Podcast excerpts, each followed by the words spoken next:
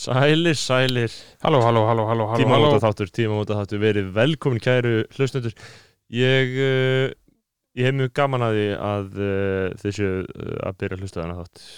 Já, ég er bara mjög samglastekur að hafa þetta í eirunum. Skoðanabræður, einu sinni töluðu fólk á gödunni, nú töluðu við, við tónlistastjóra Já, maður, from the streets to the symphony. Það hlaut að koma að því. Bjarni er sko tónlistastjóri íslensku óperuna, hljómar eins og það sé einhver mjög, skilur boring Akkurat. eða eitthvað, en Að skilur Bjarni... bara vel bældur kall með bumbu, sko. En, Bjarni veður hérna inn í sveitafötum og tekur í nefið maður. tóbaks uh, kall mm mikill konungur um, þrítur, við förum nú betur í það í þættinum sjálfum en ég bara uh, skora á þig að njóta hans uh, við uh, leggja djúpt við hlustur. leggjum Uh, það í vana okkar hérna í upphafið þáttar að um, tilgreina þá sem leggja okkur lið og eru áskrifundur efni Akkurat. eru ekki að leggja okkur lið, þau eru áskrifundur að kaupa okkur vöru. Mm Uh, við erum með það hérna á Patreon, kostar uh, 700 kalla mánuðið og fáið þátt í auka þátt í viku sem er sérst, uh, sérstakir bræðlags þættir Mjög aðgengilegt og auðvelt og að þau getur fengið lauma látið þetta fara inn. í. Apple Podcasts Þetta uh, er bara mjög þægilegt að tjekkja á þessu. Aðra áskriftarliðið með frábærum- svo við líka með gafaleik í gangi drögum út fyrsta oktober, þau getur unnið 10 skall í pening 10 Einmitt. skall í innegn uh, hjá uh, forlæðinu, svo getur unnið 6 mánuði algjörlega kostnaðalöst síma þjón, þjónustu dæmi hjá sambandinu Akkurat, og þessi tí- tí- tíu skallið frá auður, svo Mhm. nef nefnum það, sko. algjörlega og þetta er sérst það sem er í húfi ef þið gangi í bræðlega nú við leggjum það þá síðan jafnframt í van okkar að telja upp þá sem styrkja okkur um 30 bandaríkjadali á mánuði Uh, það eru eftirfarandi aðilar ef við ekki bara ríða á jú, jú, jú. Benedikt Bjarnason Brynjar G. Emil Pálsson Geoffrey Huntington Williams. Dörp listamæður Jóhannes Haugur, listamæður líka. Jóhannes Guðmundsson Nei, Jónas Guðmundsson. já, jú, Jónas Guðmundsson segja Kristófer Daði, Let's.is, þetta með verið fyrirtæki líka einmitt, fyrirtæki mega styrkja okkur hérna. Lóisa Líf, síðan er nafnlaus kona. Uh, önnur nafnlaus kona. og síðan er Sverrir Jóhansson Tandri Snær, Tindur Kárasson Tómas Óli Eggertsson. Áskrímur Gunnarsson. Og síðast en ekki síst Úlfur Árnason. Ég get ekki líst í hvað þakkláttur ég er fyrir þennan stuðning en ég einmitt segi bara við þig sem er að hlusta og er ekki, þú veist, þú ert búin að vera að hugsa ég verð að fara í Patreon bara smeltur inn í appið, Mhm. fáðu Patreon láta fara inn á Apple Podcast og þá farið auka þátt á viku og stiður frjálsa fjölmjölun sem gerir etni betra, þetta er algjörlega sko augljós kostur, no-brainer eins og maður segir á uh, útlenskum máli Heldur betur, betur. Bjarni Fríman, við ætlum Já. bara að vinda okkur í það um, og uh, svo sjáumst aftur næstu viku og á þriðudaginn kæru hlustundur í Svo sannlega, tveir þáttur viku, það klúrast ekki.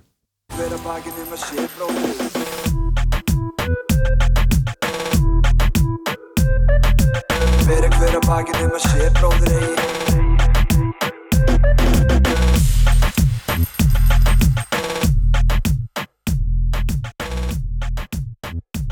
Við erum komnir í fokkin lofti enn og aftur uh, og að þessu sinni með Kallmann vikunar uh, sem er um, Bjarni Fríman Bjarnason. Velkomin Bjarni. Takk. uh, Gáðan fæðið. Gáðan að fá þig. Gaman að fá Velkomin, að vera hér. velkomin í hljóðverið um, Tónlistastjóri í Íslensku óperunar Sko ég er að hugsa skilur Þú hefur alveg verið í fjölmiðlum við og við alveg í svona nokkur ár núna en hefur þú komið í hlaðvarp á þeirra? Ekki svo ég viti ekki svo viti, skoðanabræður fyrsta hlaðarpi sem er mjög Já. Mhm, Það er gott. og eðlilegt Góð byrjun. uh, Bjarni Fríman Bjarnason og tónlistastjóri íslensku óperunar sko, við vorum að ræða þetta þegar við settum sniður og vorum að ræða hana jakka og ég vildi ekki byrja að taka upp fyrir að við myndum ræða hana jakka Já, uh, þú ert í jakka, þetta er fallegu jakki þetta er svona græn, gráleitur.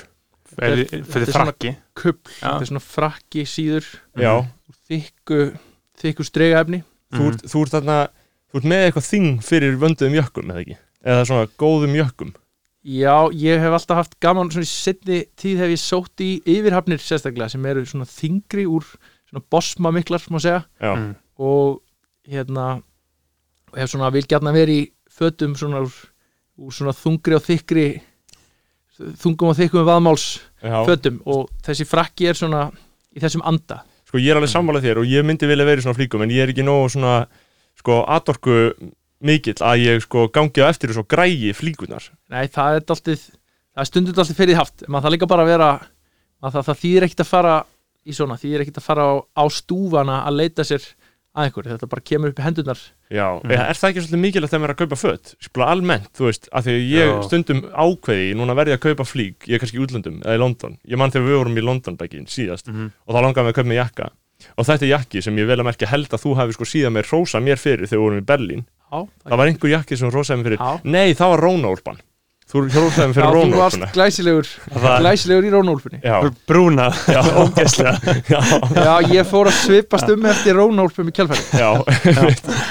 Já, Þú, Við hittust í Berlín í desember. Eh, Hvað varst þú að gera í Berlín þá? ég var bara að mæla gödurnar, bor í nefið. Já, Mm. Nei, ég var á var á var að reyna að koma ár fyrir, ármenni fyrir borð Erlendis, var að hitta umbóðsmann mm. og hérna og var svo þarna, ég bjó í Berlín í 6 eða 7 ár. Mm. 6 ár, var svo svona halvt annað ár með annan fótinn þar. Og uh, og var svona að vitja um forna slóðir. Hitta hitta uh, manneskjur sem að voru mér og eru mér kærar. Þetta er náttúrulega alvöru staður. Já. og þannig að því, Bjarni uh, þú ert tónlistamæður Já, og starfar í óperunni. Já, mm. þú ert þarna, gaurinn sem að stjórnar. Já. Hva, hver, hver er titillin? Titillin er er tónlistastjóri það er náttúrulega loðu hugtak Einmitt. eins og ýmsi titlar en þú ert maðurinn með prikinn sem að svona, já, ég er þú ert með prikinn og veifa þeim og lætur hljómsveitina spila já, er ég er kallin með prjónin Já. Já, tónlistastjóri, þú veist en ert Ég held að ungur hvað er þetta gamall? ég er 30, Fættur 89 89 89, já. Já. Sko að því að tónlistastjóri uh, Við erum með, við erum með að að- einhverju markið ungan tón, hlustendahóp uh, Vissulega mjög greindan, uh, Já. hámentaðan En ungan. Já. uh, Ég held að það fari fram hjá fólki sko uh, að einhverju markið til dæmis hvað tónlistastjóri er. Um, ég held að fara líka bara fram með fólki hvað sinfónía er sko. Já, hann er náttúrulega hjá óperunni sko. Já, já, óperu já, þetta er sama. Þetta er, ja, þetta er mjög svipað. Já, þau eru ekki að fara í smá grönt, grönt jú, ef bara að ú- útskýra þetta alveg frá grunni já, sko. þið svo bara, þið eru ábyrgi fyrir að þetta sé gott radio þannig að þið Já, já, já, bara já, það- þið verður bara að stoppa og senda mig fram að fá mig spread já, algjörlega sko. ef að hérna það nóg komið þessu, allavega, það er sem sagt liggur þannig í því, ég stjórna mitt megin hlutverk þarna er að stjórna hljómsveit og kór og söngurum, samstilla þetta samstilla þessa tónlistamenn í söng og leik á sýningum og æfingum e, og það raunverulega er það sem að hljómsveitastjóri gerir sem er eitt, það er það sem er kallað conductor á ensku, dirigent á þýsku og svo framvegis. E, svo ber ég hins vegar óperun hann titil tónlistastjóri og í því er svona því þetta er náttúrulega það er allt stundum hérna á Íslandi eru náttúrulega við búum ekki í stórborg þannig að stundum er hlutin í gerðina eins við erum að að finna nýja leiði til að gera hlutina þannig að þetta eru oft alls konar. Þannig að ég, mitt starf fælst líka dálítið í því að ég er óperustjóra innan handar við að velja söngvara og við að, Mm. við að velta Þannig, þannig að það er líka óperustjóri Það er óperustjóri í íslensku óperunar Já. Það er ekki þú Nei, það er ekki ég og það er margi þættir sem að snúa sér resti ég er umverulega bara sé um tónlistina mm -hmm. e, og Gæti maður líkt þessu hugsanlega við það að þú veist á Akureyri þá erum við leikús og leikfélag Já. og leikfélagið er þarna og síðan er sko leikússtjóri á Akureyri Já. en hann leikstýrir líka stundum sýningum Já. hann leikstýrir aðalsýningunni Já. það gerir held ég ekki leikússtjóri í þjóðleikúsinu nei, það má að sumun þetta kannski segja þetta sérsöldis ég, Mm. ég er ekki leikústjóri það er Stein Birna Ragnarsdóttir sem er Mm. óperustjóri Mm.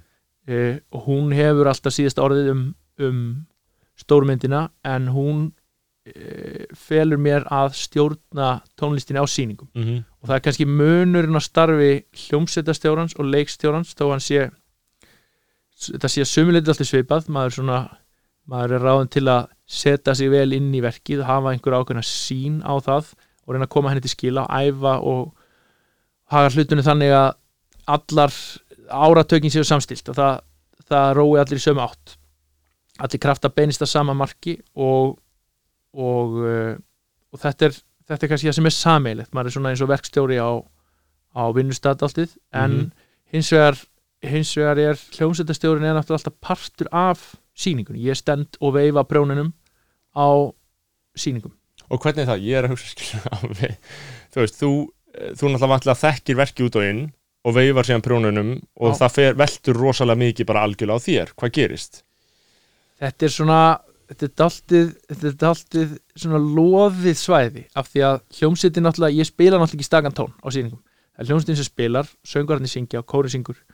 En, en ég náttúrulega ég svona reyni ég, þetta er kannski daldið eins og flugum fyrir að stjórn, það er mm. vel að fljúa sinn sína leið, en maður reynir mm. að stýra öllum hlutunum þannig að hlutinni gerist í réttir röð, hlutinni svona beina öllum kröftunum á, á hérna á rétta staði ég er náttúrulega maður kannski heldur þetta allt í utan um svona svona flæðið á sýningunni, ég tek af skarið með hluti, ég einhvern veginn stoppa hluti og svo er það ég sem hef síðasta orðið ef allir það gerist eitthvað á sýningunni hvort það hlaupið yfir eitthvað eða Mm. hvort maður gefur í. Stundu þar ég að stundu þar ég að, að e, flýta mér flýta leiknum hjá hljómsveitinni til að ná einhverjum tímasetningum á sviðinu. Mm. Af því að til, eða þess að, til þess að setja þetta samingi þá voru við þarna, sko, ef við, ef við förum þarna því ég var að googla aðeins á hann uh, að því ég er svo, ég er svo upplugur og vandaður blaðamaður, Já. ég undirbýðu viðtölu mín. Um, og ég var að googla- og þú veist, 2018 þá ert þú þarna tónliststjóri Íslenska óperuna gerður. Já, já. uh, en, en þú veist en, en, en, ég vil koma því til skila að þú sért skilur undrabann eða undramaður að því að þú varst náttúrulega yngsti eða, með yngstu tónliststjórum óperu, ópera um, í Evrópu stóð í einhverjum greinum það var eitthvað verið að segja að þú væri allan mjög ungur til þess að vera að gera þetta. Uh, þetta passar eða ekki ánveg að þú þurfur að verða hjá þér. Og kannski líka hvað er það sem að gerir góðan konduktor Mm. hvað hva þarf þú hvað hva hæfileika ert þú að nota til þess að vera góður í þessu? Já, svarin og svist spurninginu þinni snári þá uh, held ég að þetta sé svona kannski yngri kantin, það er um svo sem alltaf gerst. Það eru svona þeir yngstu í þessu eru kannski að byrja á þessu reiki uh, en já, en svo hvað hitt snertir að, að hvað, hvað á eiginleikam sem maður þarf að hafa í þessu það er svona kannski, maður þarf að hafa alltaf góða yfirsýn yfir músíkina, maður þarf að hafa ákveði svona uh, svona persónleiki þarf kannski að vera þannig að maður takit alltaf á skarið og Mm. frumkvæði svo finnst mér sérstaklega í óperunni ég finn minna minna bera á því í störfunum með symfóníunni þegar ég er þar en, en í óperunni sérstaklega er einhvern veginn, það er náttúrulega dýrmætur kost, og mikill kostnæður við bara hvert klukktíma um hljómsveit þegar eru margir á síðan kannski stundum þetta að verið sko 130 manns á þessum Mhm. æfingum síðustu vikuna fyrir sýningu og það er mik miklu meira heldur en á nokkru söngleik Já. það er alveg rosalega margir á launum og þá er náttúrulega klukkutíminn bara ekki það að þurfa að snúast um peninga en það Æ, bara er þarf að halda er það þarf að halda vel á spöðunum Mhm. og það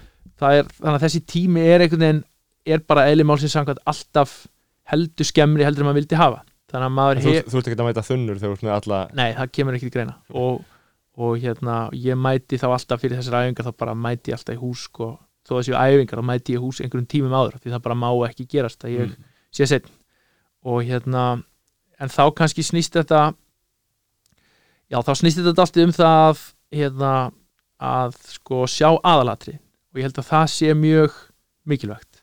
Það þýðir ekki í svona samhengi að nostra á mikið við smáatriðin. Auðvitað þarf maður að hafa skýra sína á þau og maður þarf að reyna að haga hlutinu þannig að fólkinu sem að einhvern veginn spila nótunar og syngur þeim finnist þessi smáatrið skipta máli og því þau gera það en það er ekki að vera að taka tíma svona stórs hóps í að vinna einhver smáatrið lengi. Þannig að óperan er svona daltið eins og hún er svona listtón sem er málað með, með stórum pensli þannig að Mm. maður þarf að maður þarf ofta að, að sko skauta yfir einhverja hluti sem maður gæti hugsa sér að laga gæti Mm. hugsa sér af því að maður þarf að halda utanum svona stærri mynd þannig að það er Mm. kannski svona stóri punkturinn í þessu. svo náttúrulega kemur inn í þetta bara að maður þarf að maður þarf að, að manni þarf að ganga vel að vinna með fólki maður þarf að vera maður þarf að vera að finna eitthvað svona þetta einstíði milli þess að vera Mhm. ákveðin og sveigjanlegur smá leiðilegur, leiðilegur ertu leiðilegur? Já, leiðilegur. Ég, get, ég get aldrei verið leiðilegur fólk Ösk, ertu öskra fólk Nei, mér gengur það illa, en það hefur komið fyrir en það er þá meira einhvern veginn finnst ég bara svona þá fyrtist ég bara fyrir hönd Já. hljómsveituna, kannski þess að vinna það komið fyrir einhvern tímann vorum við að æfa og þá var einhver þá var einhvern brak og braml út í sal hjá einhverjum óviðkomandi aðilum Mhm. sem voru, ég man ekki að skoða salin eða hvernig það var og, og hvæs, einhvern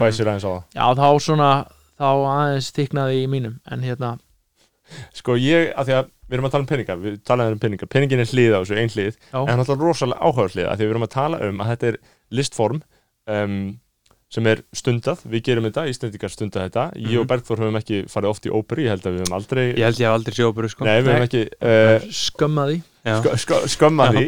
Um, En uh, það fara uh, Mjög miklir peningar í þetta Já. bæði þá væntalega óperuna og symfóniuna sem Já. eru náttúrulega tengt batteri að einhverju marki Já.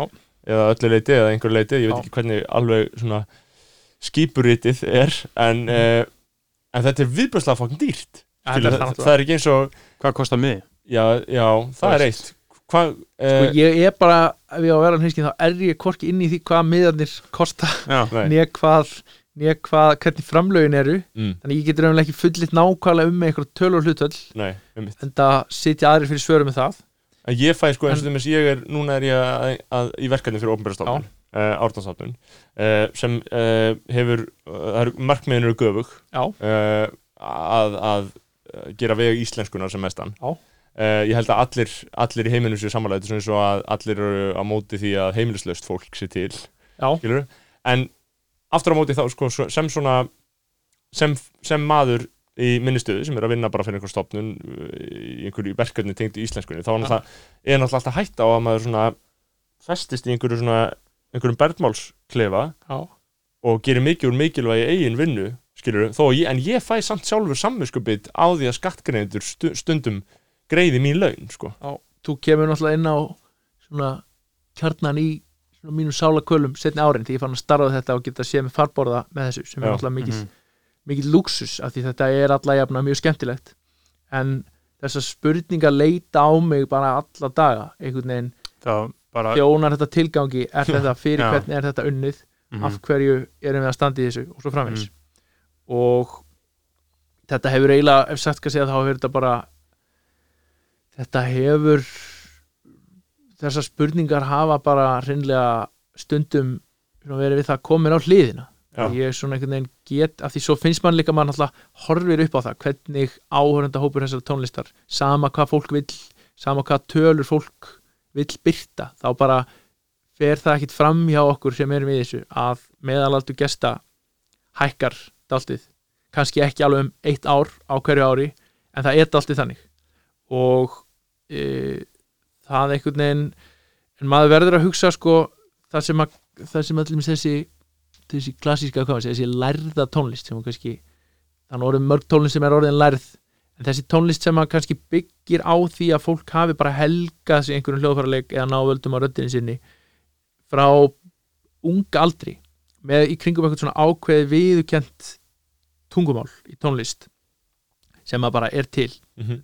Þessi klassíska tónlist til dæmis er ákveði tungumál sem bara þróast eins og hvað annað tungumál bara eins og, eins og, eins og íslenska, einhver pidgin enska hvað er. Mhm. og, og það er ákveðin bara, það er ákveðin struktúr í henni málfræði og setningafræði og svo fræmis og fólk náttúrulega kannski verður ekki læst á þetta tungumál nema það verði þetta alltaf tíma með því. Þannig er klassíska tónlist til dæmis byggit alltaf á þessu skilningi þess vegna er hún getur verið alltaf erfitt að komast inn í hana ef maður er ekki alveg upp við hana eða ef maður er ekki með handgenginni það er svona sumuleiti ákveðin ókostur en mér finnst það samt ekki næg ástæð til að leggja árar í bát með þetta og einhvern veginn En mér finnst þetta mjög aðrilsvægt að því að, þú veist, við erum þetta með, einmitt eins og segir, svona tungumála einhver marki. Þú veist, þetta gæti bara verið þess svona bara eins og að ef ég ætlaði núna, ef ég fengi flug í hausinn og væ- yrði mjög áhersamur um þetta, Já. þá væri þetta einhverjur marki bara eins og ég væri að byrja að horfa á, að byrja, veist, að lesa rúsnesku eða læra rúsnesku. já, Er þetta svo flókið? nei, Þetta er þetta er náttúrulega sko, Þetta er náttúrulega aðgengilegra auðvitað Já, já, rúsneska, það er sko. svo margt sem að er sko, það er svo margt sem að Og mér finnst alveg klassísk tónlist falleg, ég hef alveg læsið til þess að finnast einhver tónlist Já, falleg, já, já. skilur. auðvitað, en það er kannski það er svona það er svona ákveðin sko, það er ákveðin e, maður hljómar einhvern veginn svo hljómar sumum kannski ekki sem finnast þetta hrókafullt þegar maður tala svona, en það er ákveðin það er ákveðin einhver svona þrjóska og mótþrói við bara sko, kunnáttu Mm. þekkingu í dag af því að það einhvern veginn er allt svo sko vissulega er allt einhvern veginn öll tjáning og öll viðleitni er jafn rétt á en það er alveg eins og einhvern veginn þetta er pínlítið fara að lita líka umræðum alls konar önnumál, eins og heilbriðismál og svo framvegis. Fólk einhvern veginn hefur orðið svo skílausan rétt á sínum skoðunum þó það sé bara einhvern veginn nýbyrja að setja sig einhver mál. Eins og bara uh, skýrt svona nýlegasta dæmi og þetta er allir þessir allir þessir hérna farsóta spekulantar Mhm. einhvern veginn sem eru bara hálfgerið saur spekulantar Já, já. sem einhvern veginn sem að sem viti gera skatt já en einhvern veginn allt í nafni einhver svo kallast tjáningafrelsis þá að fólk einhvern veginn rétt og heimtingu að tjá bara hvaða vittleysu sem er Mm. af, sem er ekkit endilega sett fram að yfirlegu ráði allavega ekki eftir mikla yfirlegu. Auðvitað er allur gangur á því og við viljum heldur ekki, þetta er líka viðkvæmur maður vil heldur ekki hefta þetta tjáningafrelsi en þetta er svona ákveðið þetta litar daltið umræðu um list að sömu leiti já, og það hefur alltaf verið til einhver list sem einhvern veginn lifi lengra sumt lifi með kynnslóðum, annað ekki. Það hvað lifir er ekkit alltaf endilega hátt gæðum tónlistennar það getur haft með það að gera hvort að, hvort að hérna, hvernig hvernig hérna hvernig uh, þú veist hvernig listamenninni voru á litin eða hvernig útbúnaður eru með í klófinu eða skiljið mig, það getur verið alls konar já, þetta er alls konar ástæður fyrir því. En eða líka bara einhver félagslegu status eða hvaða hvaða, uh, hvernig pólitíkin er en það breytir því samt ekki að það bara er ekki hægt að bera saman Britney Spears og Bach, sama hvað hver segir. Og það bara einhvern veginn, ég mann, það var einhvern einhver sem sagði þetta einhvern tímann og þetta bara segir allt sem segja þarf. Það er ekki hægt að það er ekki hægt að fletja allt út og það verður að vera einhvern verður að vera einhvern gildismat og við þurfum ekki allir að vera sammála um það en það er bara það er bara hreinlega gæðamunur á þessum hlutum. Mm. auðvitað er þetta alltaf veginn, það er líka að taka einhver líka að taka einhver mildari dæmi einhvern veginn í hina áttina, það er líka alls konar eitthvað sem að kalla þessi klassíska tónlist sem er sem er einhvern veginn þó að þessi spilaða fólki og fylgur og trompet í sko mörgjæsabúning, þá er það samt ekkit þá er samt margt einhvern veginn þú veist, þá er allt sem að bara einhvern veginn þú veist, þá er hvert einasta orð sem að Joni Mitchell einhvern veginn setti tóna við. Mm. skilji, það er margfalt verðmættara, það er bara svo margt eða hvað, hvað dæmi sem að tekur. En, en það það er svona sko, mér finnst eins og þessi klassíska tónlist og symfóniuljónsitt er, er ákveðin svona það er bara ákveðin stopnun eins og átnastofnun, það er fólk sem er búið að sérhafa sig einhverju, setja gífulega vinnu í að reyna að koma einhverju ákveðinu sem að ríki svona ákveðin sátt um að sé mikilvægt, koma þessum hlut á ennþá herra plan. Að því ég, hef alltaf sko ég hef svona í seinni tíð þá hef ég svona fylst, þú veist, þú sagði náttúrulega að þetta væri þér uppspretta mikill að kvala bara Já. þessam hangaveltur Já. ég held að þetta sé ég held að þetta hljóti að plaga hvern þann sem vinnur fyrir uh, vinnur fyrir laun úr sameilum sjóðum bara almennt, að ég held að það verði að gera það, það væri óskandi að það væri þannig Já, það væri reynda kannski betra ef þetta væri víðar ef þetta væri ég held, ég held að sé ekki þannig sko. Nei, ég held að, ég held að það væri Nei, nei. gott ef þetta væri útbreytari tilfinning sko. nei, nei, já. en, en sko ég hef svona í setjum tíð orðið þú veist, einhvern veginn að því að ef ég hugsa um ef ég hugsa um bara Íslands samfélag við erum Já. hérna með Íslands samfélag og það er allir Já. að væla endalust yfir því og væla, ég segi væla í nokkur hlutleysum tón nei, þetta Já. er bara sa, hlutleys samhetti við að gangrina Já. eh, það er allir að væla yfir því til þess að samherji skopli milljörðum í vasan á sér Já. eh, þeir bara með sameiginlega auðlind okkar og þá svona einhvern veginn færingin mjög vel skilið svona utan að koma til af hverju þeir ætti að fá allan hennar pening Já. málið er bara þau eiga tækin Já. þau hafa stjórnaðum Já. Og það er bara þannig er bara, bara kom, komu sér í þá stöðu. Já, og, og þeir bara eigur með tækin. Tækin eru bara hjá þeim og þekkingin og bara, það getur engin, þú getur ekki fokkað í. Því Nei. Uh, ok, og svo erum við það og það er allir sammála um að það sé eða svona, það er rosalega margir sammála sérstaklega í, í okkar viðbjöðs, á okkar viðbjöðslega vinstrivæng. Já. sammála um að þetta sé óæskilegt, skilur Já. en síðan eru á sama tíma vinstrivængurinn með sko stjórn yfir rúf uh, sem er bara þú veist, vinst, veist, bara vinstrivængurinn á rúf og hann bara sturtar skattpenningum í, þú veist, bara penningum úr skatt sammeilum sjóðum í eitthvað sem bara þeim líst vel á og þeim finnst og, veist, og ég er ekki að gagna. Ég, ég, ég er sjálfur fylgjandi því að klassikin okkar sé veistla. Þetta var mjög gaman að horfa á þetta. Veist, ég veit ekki hvað þér fannst um það kannski skemmtilega en þú veist, en þú veist fatti hvað er þetta, þetta er svo sambarlegt en, en fólk sér ekki bjálkan í eiginu skilur Og við ráðum- við ráðum líka við þjóðleikusinu vinstri menn ráða líka vinstri listaspílu borgarleikusinu og ég held að, held að það kannski er orðin svona ákveðin dilemma þessir, stopnanir eins og Ríkisútvarpið Þjóðlíkúsið, Symfónían og fleira átna stopnun einhvern Já. veginn hafa kannski svona einfallega bara út af öllum sem áhrifum að utan Instagram og alls konar drastli hafa þessa stofnarnir því miður að minna vægi svona í einhverju umræðu en skipta samt máli og þetta er samt einhvern veginn þetta er samt sko þetta ég einhvern veginn held að sé svoleiðis að það eru allir við meinum öll vel einhvers staðar. En svo er líka þannig að svo eru hlutinni þannig að maður er bara daltið fastur í sínu. Það er ekki endilega einhverju illgýrni og það er ekki einhverju skeitingaleysi það er bara þannig, ef maður allar að ég var að tala við landsteftan crossfit mann um daginn hann var einmitt að, var svo þakkláttu fyrir það að fá bara að sitja með einhverjum í pottinum í hveragerði og ræða um ræða um, hérna ræða um eitthvað annað en crossfit og ræða eitthvað um eitthvað annað en bara einhvern veginn limaburð og hvernig maður ber sér aðeins æfingar og mataræði og eitthvað svoleiðis. Og en hann var að segja bara ef ég ætla að halda mig á mín stað í crossfit þá þarf ég bara einfallega að verja svo miklum tíma í það að ég umgengst mest megnis bara fólk sem er í þessu og er að hugsa um þetta, það verður bara mitt umhverfi. Og einhvern veginn, þú veist, svo er það bara og það er alveg eins, það er saman hvort maður er í menningunni eða hvar maður er eða fjölmiðlun eða eitthvað, maður maður einhvern veginn, það eru mesta líkur á því að maður finnir sér maka og vini og einhvern veginn og fólk sem maður einhvern veginn bara trúnaða fólk í kringum sig, í því sem maður gerir. Sérstaklega ef maður, ef maður hefur mikið metna í því sem maður gerir, ef maður lokast ekki bara inn klukkan nýju og út klukkan fimm þá eru, og þó það sé þannig þá er það bara þannig. Og það litar við erum öll í ákveðnum bergansmálsklefa og ég held að væri, væri örglega til meiri fram, það er, myndi skapast eitthvað meiri sátt og meira samtali og fólk væri bara aðeins gengist aðeins betur við þessu. Og það eru allir það eru allir bara góðir fyrir sinn hatt og það þykir öllum sinn fagur. Við erum öll þannig. Og, og Mér hérna finnst þetta mitt mér, ég, ég, ég er líka alveg samanlega að það skiptir líka bara máli að þú veist mér finnst bara þú veist að því að, að, því að e, veist, e- eftir að þetta svona rann, e- eftir að þetta hefur verið að renna upp fyrir mér meira og meira bara hvernig þú veist hvað það er líka þú veist að því að maður elst upp í það að bara þú veist þetta hérna er þú veist það er eðlilegt að til dæmis þú veist ríkið eða peningi þetta. Það er Já. eðlilegt og gott að við reykjum hérna þjóðleikús skilur þú veist ég er ennþá á því en þú veist að fatta að þú veist það er bara þetta er bara, þetta er bara ein skoðun skilur og, við, já, og maður elst upp í einhverju svona en, en einmitt að gangast við því sko að maður en stjættirnar þær rotna og þær, eru- þær eru svona um, það er sifjaspell innan þeirra. Og, Já, ég, og ég, ég, ég, ég sé það sko. Það, já. það er þannig. Það er þannig allstaðar og hérna og minn bransi er ekkit undan skilin því, en það er svona það er sko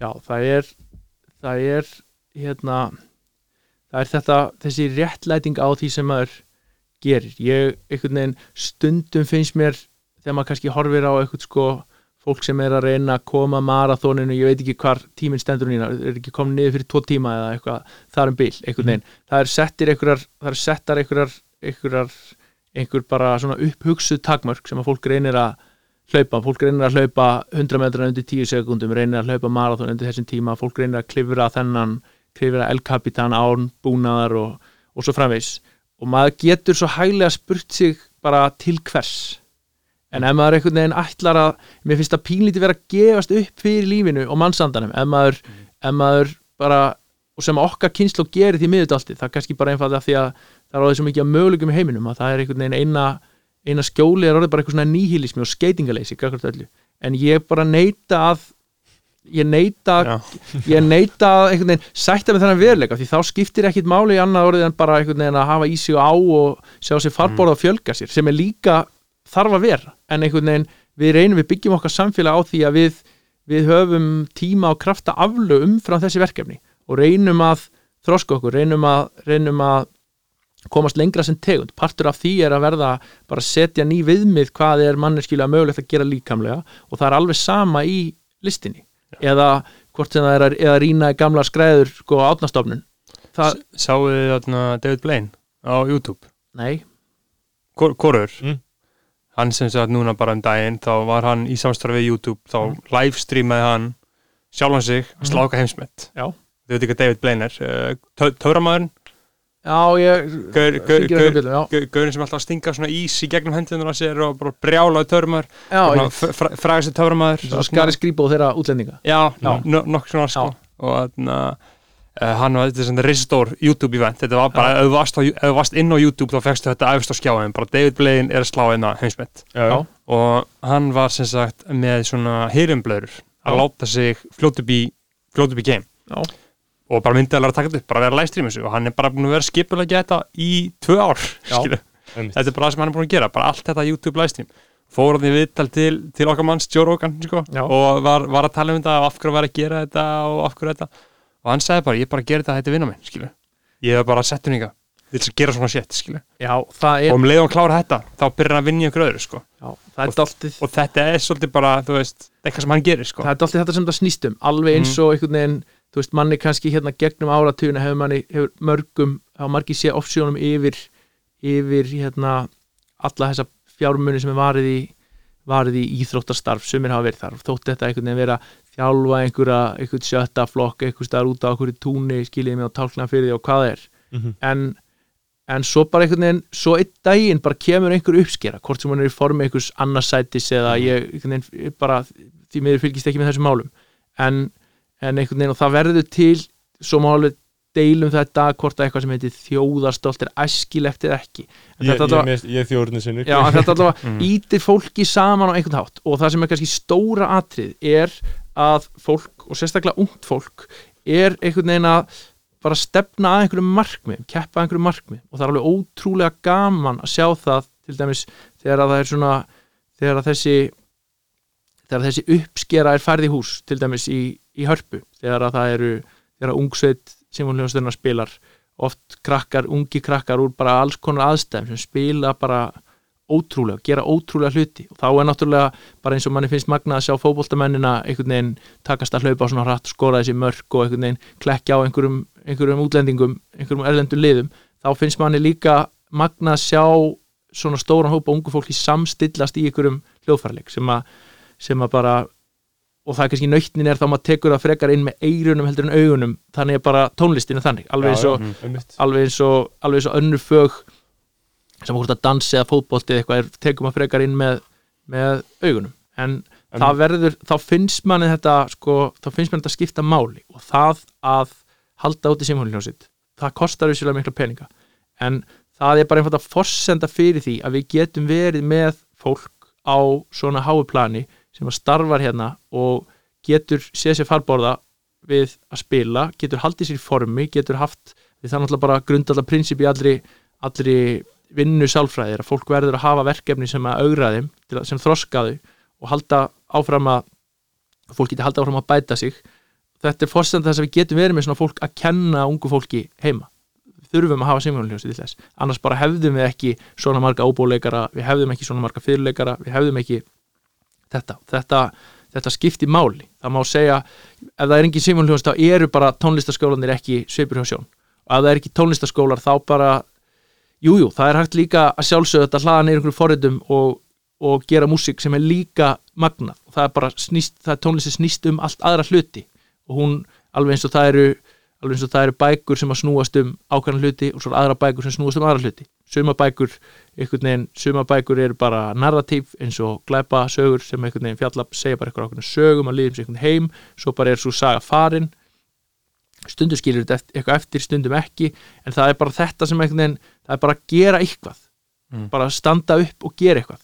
Ég, ég sko mér finnst það einmitt aðteglisverðar slóðir sko, ef við erum farin að ræða e, þetta bara þetta, þetta góða koncept að gera eitthvað, af því ég held að sko við höfum talað um og, og þessa kynstóð skilur við, þessi nýhelismi sem, sem er, þú veist, kannski er maður að varpa bara einhverjum eigin tilfinningum yfir á allan hópin en ég held samt að nýhelismi sé ríkjandi að einhverjum marki. Já, já, fólk er bara meðvitað um það í mismiklum mæli. Við höfum talað um, við höfum talað um draumana í, sem, sem búa í eistunum á hverjum auðinum Mm. og líka konum, þetta er svona yfirfarmerking eh, og þú veist heldur eins og þú heldur að þessi að, að, að kynsluðum sem er að vaksa upp núna heldur að þetta sé heldur þetta sé að verða viðbjörslega gerpi eða? Ég held að þetta séu á einhverjum marki viðbjörslega gerpi sko. Ég, Eh, ég held að þetta sé sko ekkit endilega viðbúslega gerpi, ég held að þetta sé bara svona gerpi sem að fá kannski ranga mynd á einmitt öll þessu að þau sjá alltaf gegnum Instagram sko. já, þau sjá, ekki, þau sjá þetta of mikið sko. Instagram er náttúrulega bara ömulegu miðl það er alveg saman hvernig maður, er lítur á það. Já.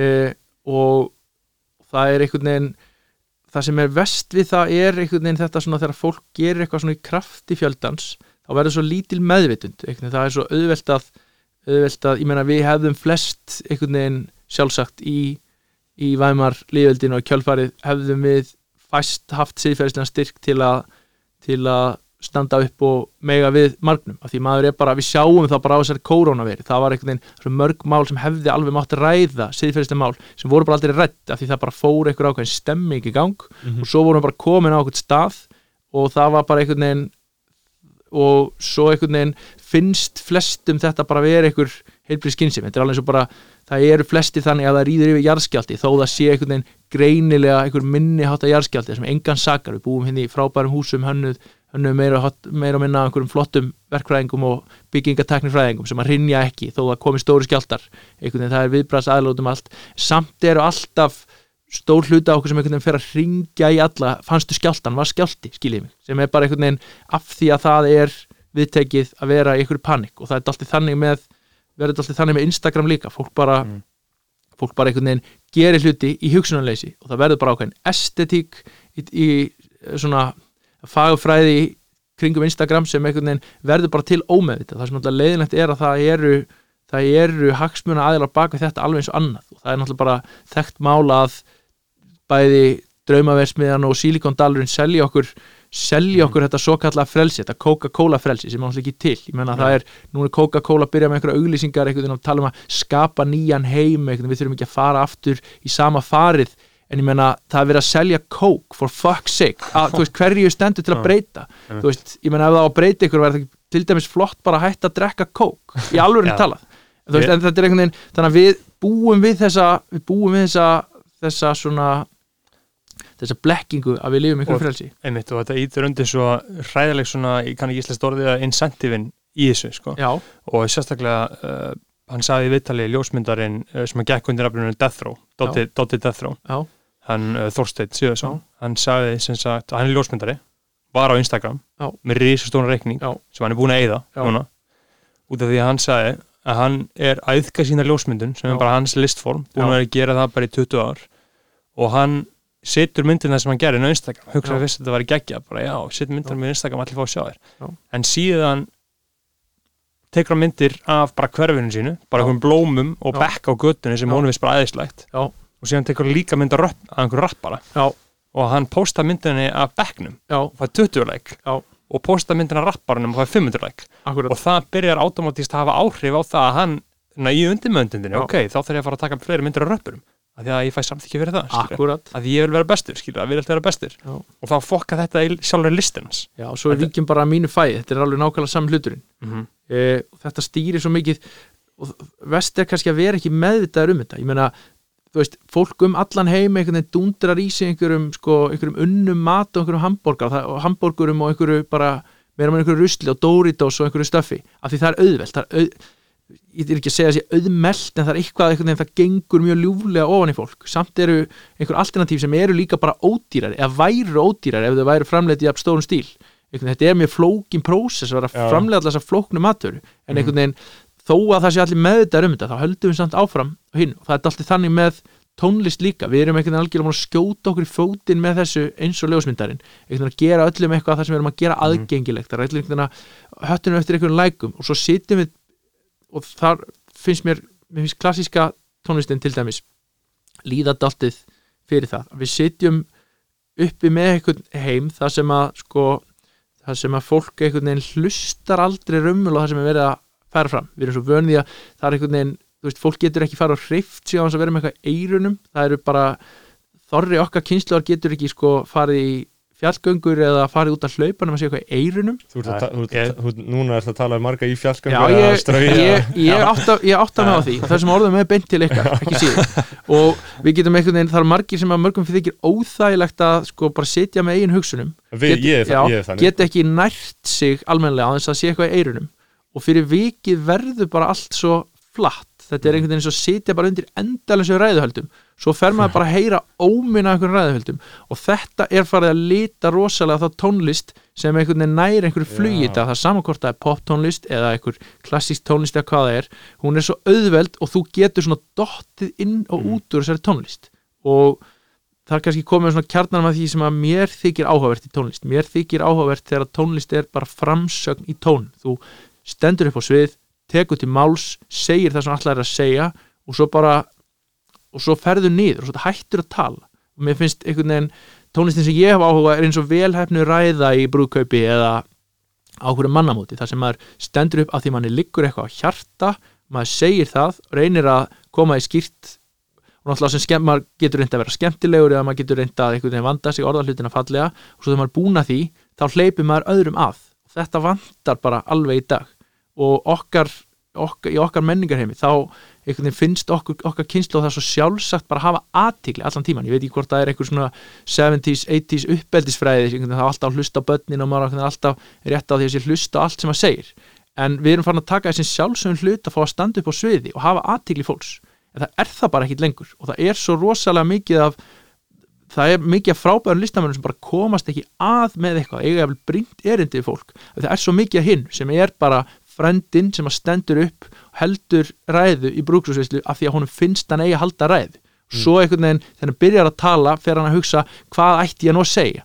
Og fer að segja einhvern veginn ég er búin að þekkja Gunna síðan hann var lítill einhvern veginn reynir að krakka einhverja brandara skiljið mig, en það skilur ekkit eftir og það bara trubla fólki því sem það er að gera. Fólk einhvern veginn uh, getur síðu borða matinn og, og þetta er að verða allt í svona. En hvaða tónlist er hliðstæði frændanum þá?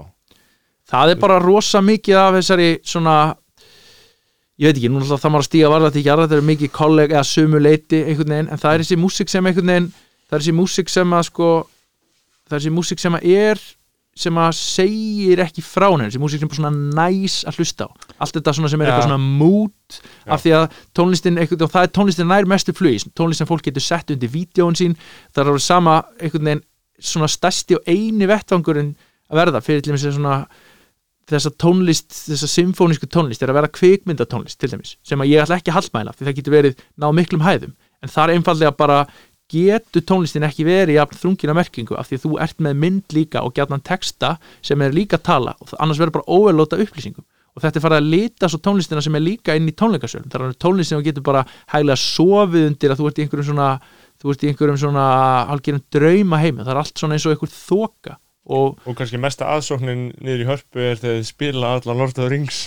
Þannig að Já, það er dálítið það er dálítið svoleiðis af því að, af því að einhvern veginn fólk er bara, til dæmis okkar kynslu á orðið svo bátt með bara setjast niður lesa eitt ljóð, það sem er kannski bara sagt í 7-8 línum einhver kannski einföld en djúb hugsun einhvern veginn, fólk getur okkar kynslu á og ég er ekkit ég er þar ekkit undanskilin þó ég sé alltaf að reyna að sína viðleitnir en efla mig í þessu en maður er maður er einhvern veginn, maður á bátt með bara að setjast niður með eitthvað hnýtmiðað og melta með sér og leifa taka einhver orð með sér inn í daginn og leifa þeim að vaksa og, og gróa. Og það er einhvern veginn Þú heldur bara áfram að skrolla. Ha, Þú heldur bara áfram að skrolla. Já, já, það já, það er það sem er það er það sem er dæm og það er þessi, Mm. það er þessi ofgnótt af valmögulegum allt, allt því að við teljum okkur trúum að sé eitthvað frelsi í því fólkið. En, en við höfum valla þetta frelsi, við höfum það en það er einhvern veginn orðið svo mikil félagslega pressa á okkur að skrolla áfram maður þarf að fylgjast með þessu mörgum, maður þarf að vera að fylgjast með því sem að einhvern veginn þú veist, allt frá maður þarf að fylgjast með því sem að þú veist, uh, maður þarf að fylgjast með því sem listamenn er að gera, maður þarf að fylgjast með því sem Sunna Einars er að gera, maður þarf að fylgjast með því sem að einhvern veginn, sem að tengdafæðurinn er að bralla á, Mm. á niður í austu öll skiljið mig og Já, allt þetta. Og það, einhvern veginn, það er bara ekkit það er, áður létt fólk sér að næja bara að sinna sínum bústörfum og kannski fara í kirkju eða hvað það var, hvað sem fólk sótti sér bara mismunandi á melli menningarheima, sem fólk sótti sér einhver smá andlega næringu, reyndi kannski að vanda sig aðeins í samskiptum með fólk, taka eftir umhverfinu og ég held að þetta sé það eru miklu kostir í þessu, við getum lagt hvað sem er fyrir okkur, gert hvað sem er. Einhvern veginn og ég meina flestir á okkar kynslu að hafa, ef ekki komið til Japan þá til Mexiko, einhvern veginn séð alls konar myndir verið, allir verið nokkur sem við kaupmannhöf, við erum flest hagavönu í mörgum borgum erlendis, einhvern veginn, sumir í London, aðri í kaupmannhöfn, einhver í Berlín og þetta er bara einhvern veginn en yfir reyðin er svo mikil að maður einhvern veginn, það sest ekkert.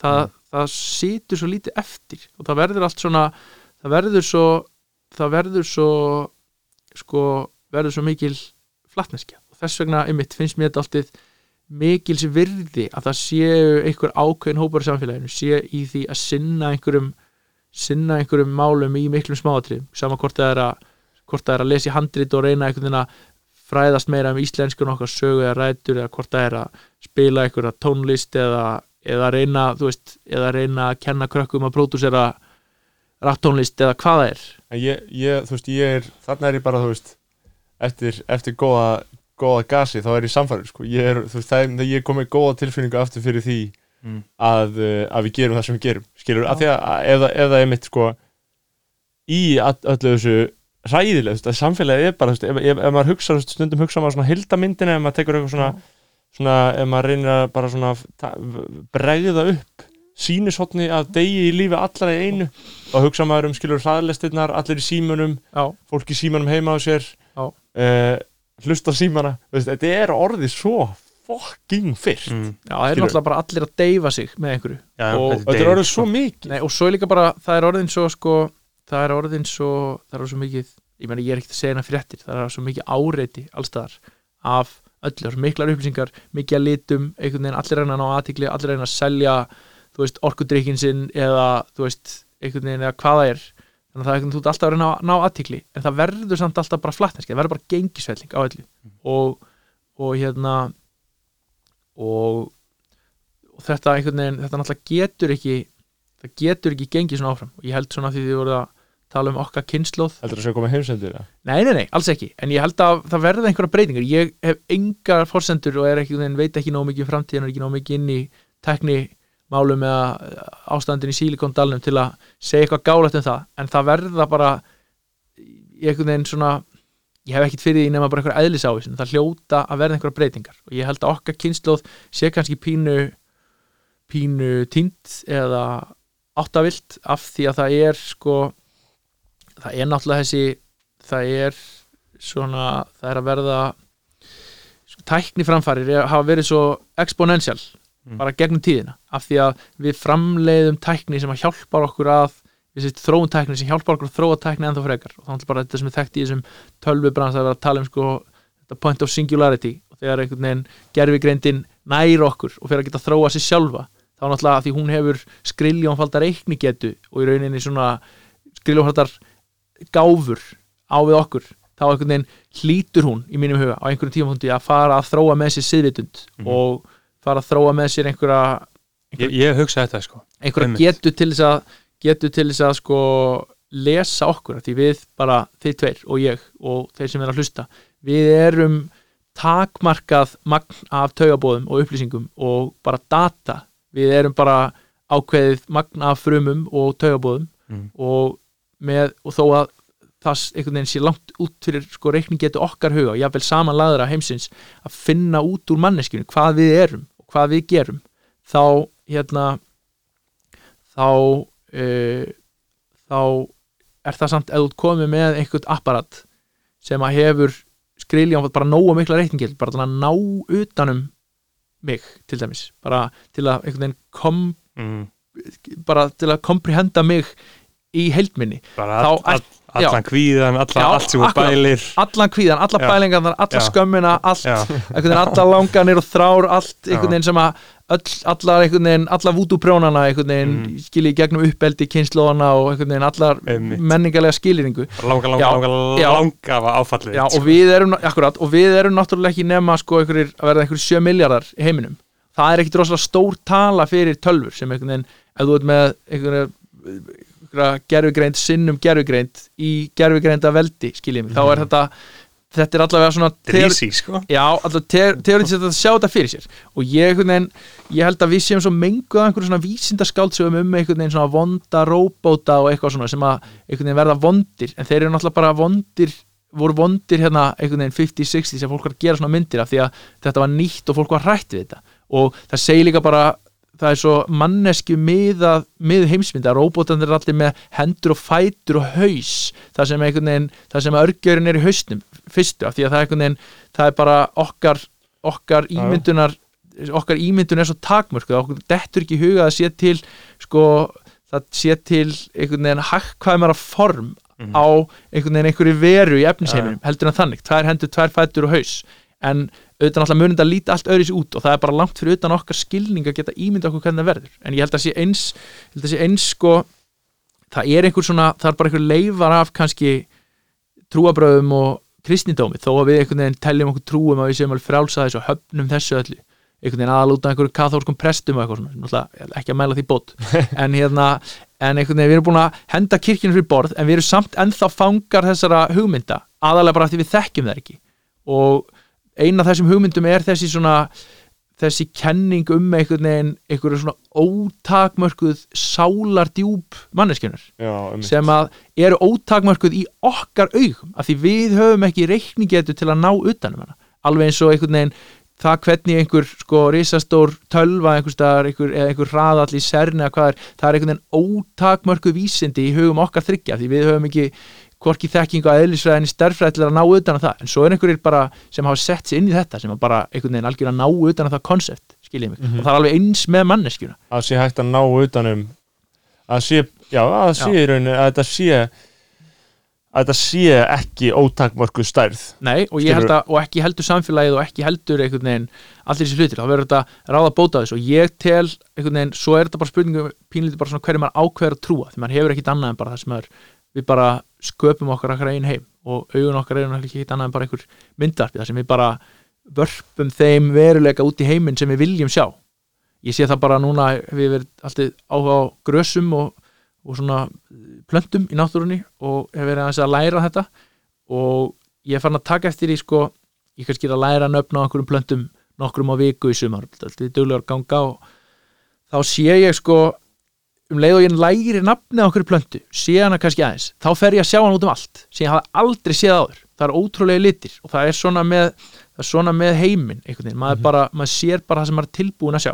Já, og, og ég held að ég held að það verði þannig að ég held að verði þannig að hérna, allavega trúi ég því að það sé einhvern það sé einhver svona svona góður tendens í heiminum. Það eru, man ekki að það var einhver sænsku félagsfræðingur sem var dálítið númer hérna fyrir 2-3 árum sem var einhvern veginn að fjalla um það að heimurinn Rósling hérna, hans Rósling held ég Mm. sem var að tala um það að sko, heimurinn væri á góðri leið veginn, það væri, við værum að ná árangri þó að einhvern veginn fjölmiðlarnir einhvern veginn sem alltaf þrýfast alltaf á æsingi og einhverju svona ákveðnum svona einhverju hysteri og fólk hlaupi upp til handafóta eins og við sáum bara mjög vel þessi veira fór á stað það var bara allir komið eitthvað gang einhvern veginn áður en að skiljið mig, mm það er alveg sama að það verður einhver skjálti eitthvað skilur einhver, já. einhver ógósórói við Grindavík eða hvað það er, skiljið mig, það fer alltaf á einhvern svona stað.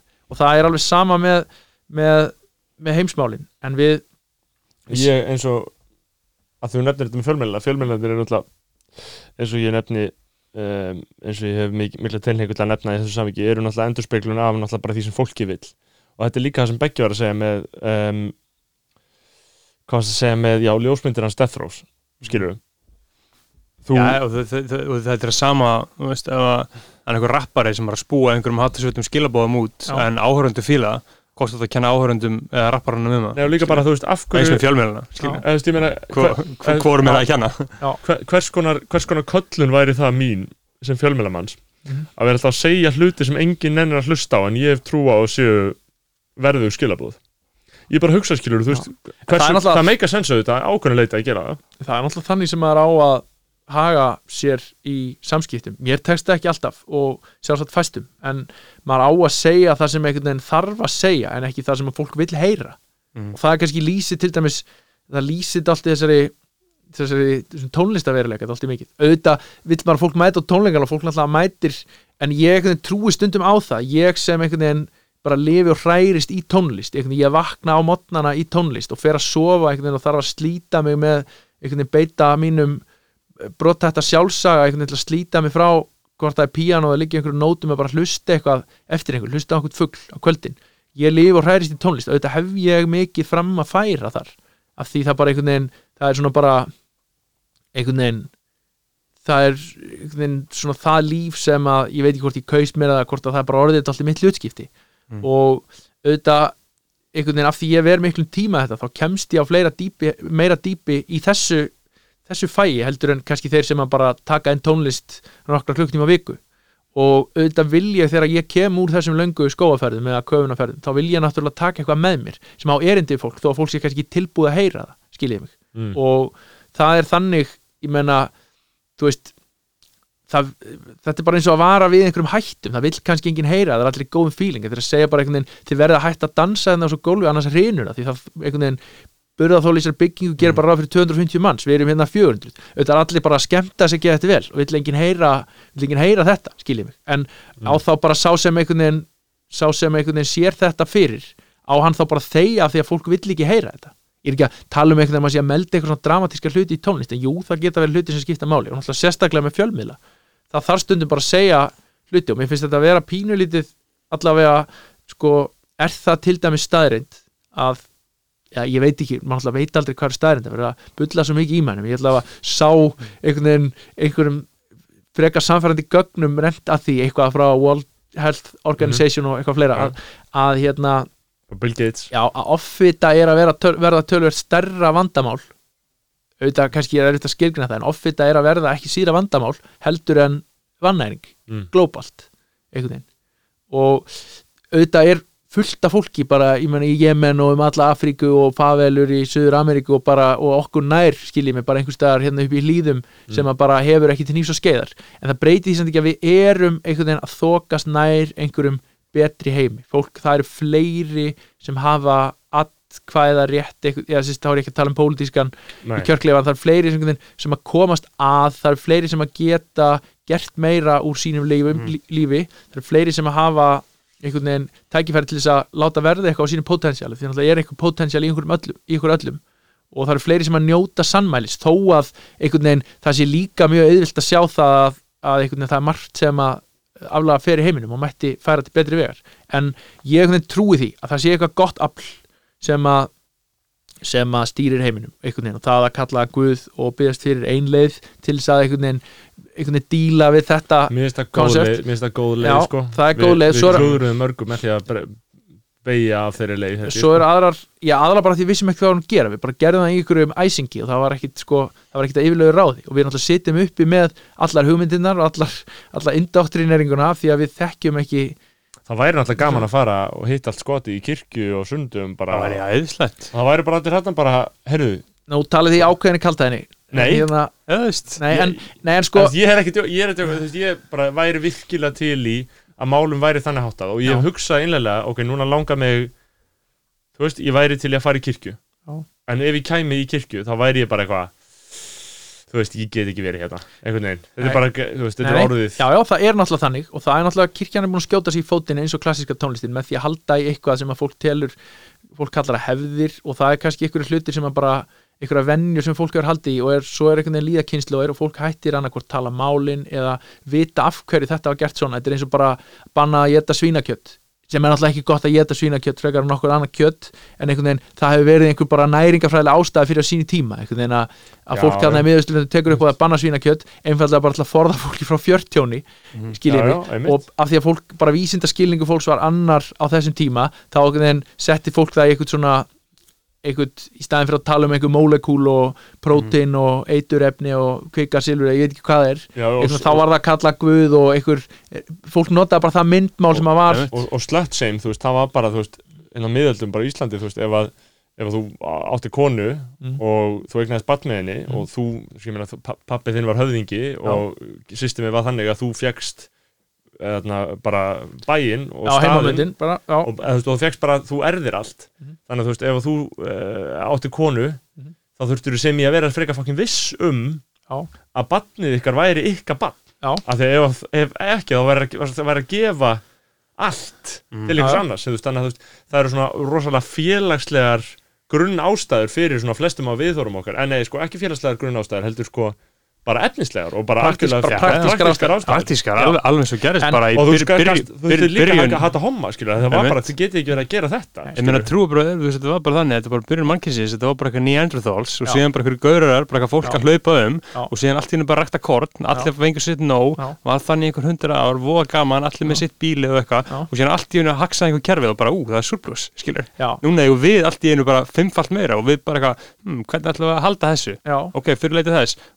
við við hm, við við erum hérna hundra manns en inn í, inn í þessu húsi og síðan eru tíus manns fyrir utan. Hvernig eigum við ná að halda þessu í okkur? Við þurfum ekki að gefa já, tíus já, manns auðvitað. það er bara trúabröðin, alveg sem með, Já, með svínakjöti en ég held að sé líka sko ég held að sé líka veginn ég held að þetta sé líka sko það eru einhverjar sko það eru einhverjar hérna Já, það er líka þessar sko framfæriðnar þegar einhvern veginn samfélagsframfæriðnar sérstaklega með tilkomum alltaf þess að tækni þegar heimur er minga með þessum samgöngum til dæmis þá verða veginn og samskipti bara á milli heimsluta verða svo þróið að samfélagsbreytingarna verða hraðari heldur en verða hraðari og breytingarna á heiminum raunverulega, veruleikanum verða hraðari heldur en við megnum að breyta hugmyndakerfin okkar, hugmynd, heimsmyndin okkar. Og sérstaklega verður það hættur að þeirra heimsmyndin eins og til dæmis þessi, bara tekið sem dæmi þessa kristnu heimsmynd. Mhm. til, eða eitthvað bara hvaða heimsmynd sem er byggðað á einhverjum trúabröðum uh, er hérna er þegar við erum búin að meitlana í stein sama hvort það er einhverjum ódöðlegum listaverkum einhverjum stórum byggingum, einhverjum hugmyndakerfi einhverjum ákveðum tungumálum svo bara einhvern veginn verða breytingan svo hraðar að við náum ekki að breyta þessu og svo einhvers stað verður bara eitthvað misgengja því við erum komin og langt frá þessu og þá bara einhvern veginn öllu hent fyrir borð Já. Mm. og og stundum það er svo rosalega mikið sem fyrir spillis Já, þetta er eins og að vera giftur í 40 ára og skilja og það mátti ekki eiga góða minningar frá skilur. stundum, hendi maður batninu aðeins með baðvatninu sko. Og, og ég held, en ég held alltaf burt sér frá þessum svona trúarumræðum sem eru sem eru spennandi, þá held ég trúi að því að það sé einhver eða þá reyni ég reyni að efla mig í þeirri trú að það sé einhver góður sem við kallum að góðan kraft eða það sé bara einhvern veginn svona heimur stefni í betri átt einhvern veginn, maður bara, maður gengur maður reynir bara að hafa svona jákvætt lífsviðhorf sem að En bara ég- þeir eru hefnir að hitta á mig þannig í dag. En ég, trú, ég trúi því bara hreinlega það hefur að- fyndið að það eru komið hérna mjög þunglítur og skekk Já, hérna, þá hefði þið að sjá um talið þá hefði ég setið hérna bara í frakkanum. En hérna neð, þá er allavega trúið því að okkar kynslu sé kannski uh, sé í smá vandastödd einfallega bara af því að uh, einhverja tækniframfarir tækniframfarir rundar svo hraðar.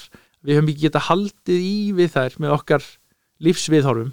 Þess vegna séum við svona ringluð og það er svo mikill munur á heimsmyndinni sem við þekkjum og er okkur aðgengileg bara gegnum allan skjátíman skiljið mig og heimsmynd þeirra sem eru eldri og sumuleiti sem að kannski ennþá einhverju marki ráða, stýra förina einhverju leiti, svo er fólk að reyna að eiga eitthvað samtala með til kynsluða sem er orðið erfiðara því munurinn bara orðið svo mikill af því það eru svo mikill hraði og hann er í rauninni til dæmis bara þessi gerfigreindöll sem eru í öllum þó að sé núna í einhverju, einhverju mýflugu mynd í einhverjum bottum og einhverjum lókarithmum og hvað þetta algoritmum og hvað þetta allt kallað.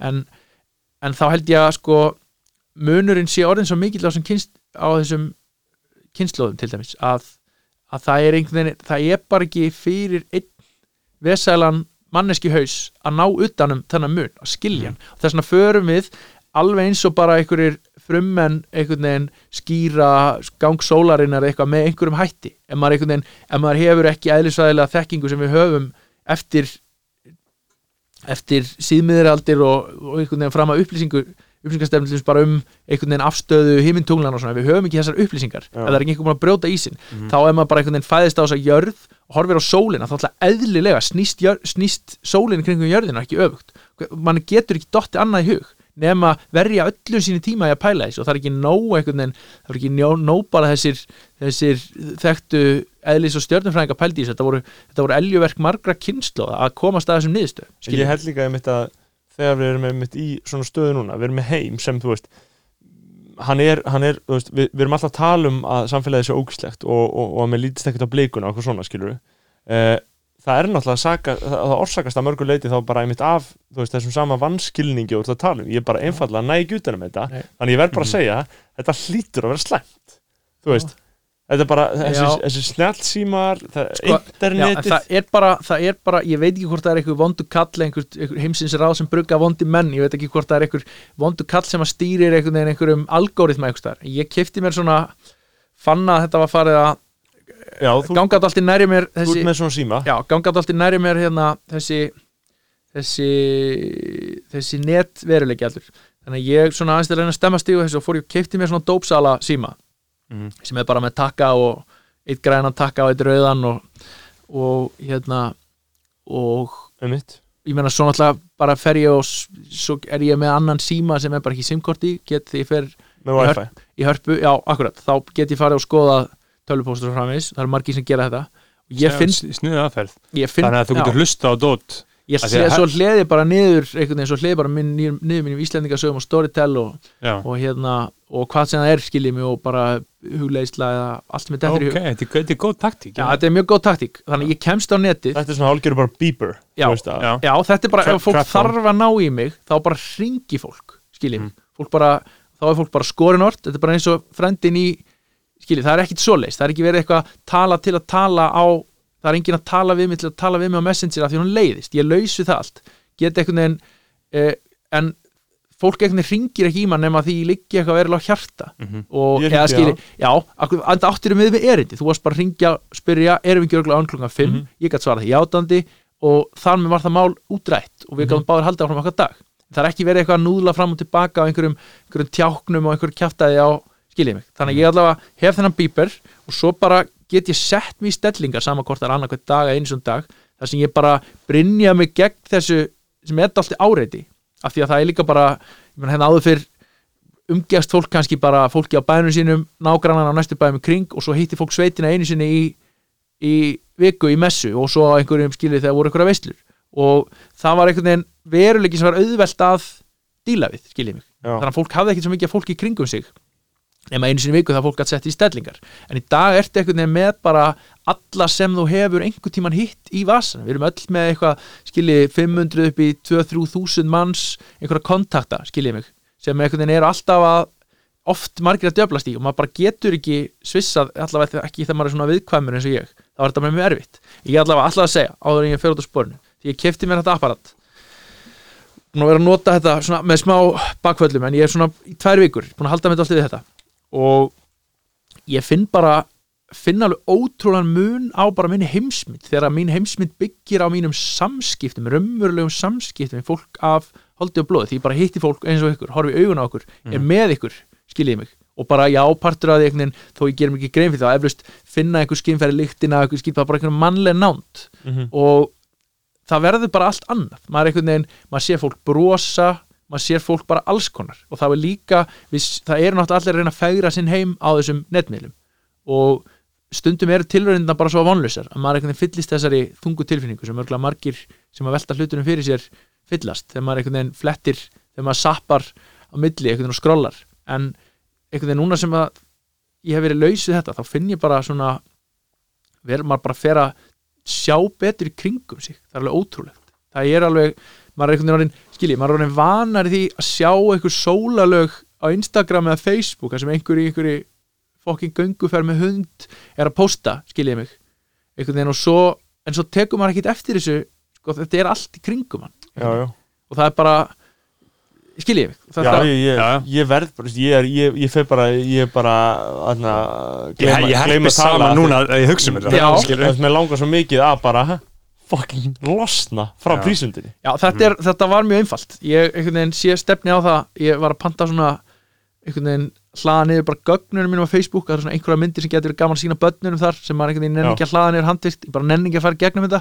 Mm. og kannski einhver skili einhver skilabóð eitthvað sem væri bara ágætt að eiga einhver starf á einhverjum hörðundiski einhverju skúfu sem maður opnar. just in case. Já, Já. kannski má líka bara sleppa þessu. Ég ætla að panta þess svona í Já, ætlar að hætta síðan. Já, pantaði svona sundarskvöldi og svo ætla ég bara að henda þessum Facebook aðgangi og draumurinn væri að losna eiginlega á Messenger líka, ég er búin svona að fara yfir þetta hvað ég þurfa að senda mörg mörg hérna, Kveðju. Já eða svona bara láta fólk vita að Já, ég bara sé þú- komin þú á gefur önnur- netfang, önnur skilurðu. plattform. En þú getur sett eins og ég sé menn gera sko, setja bara prófílmynd, er hættur.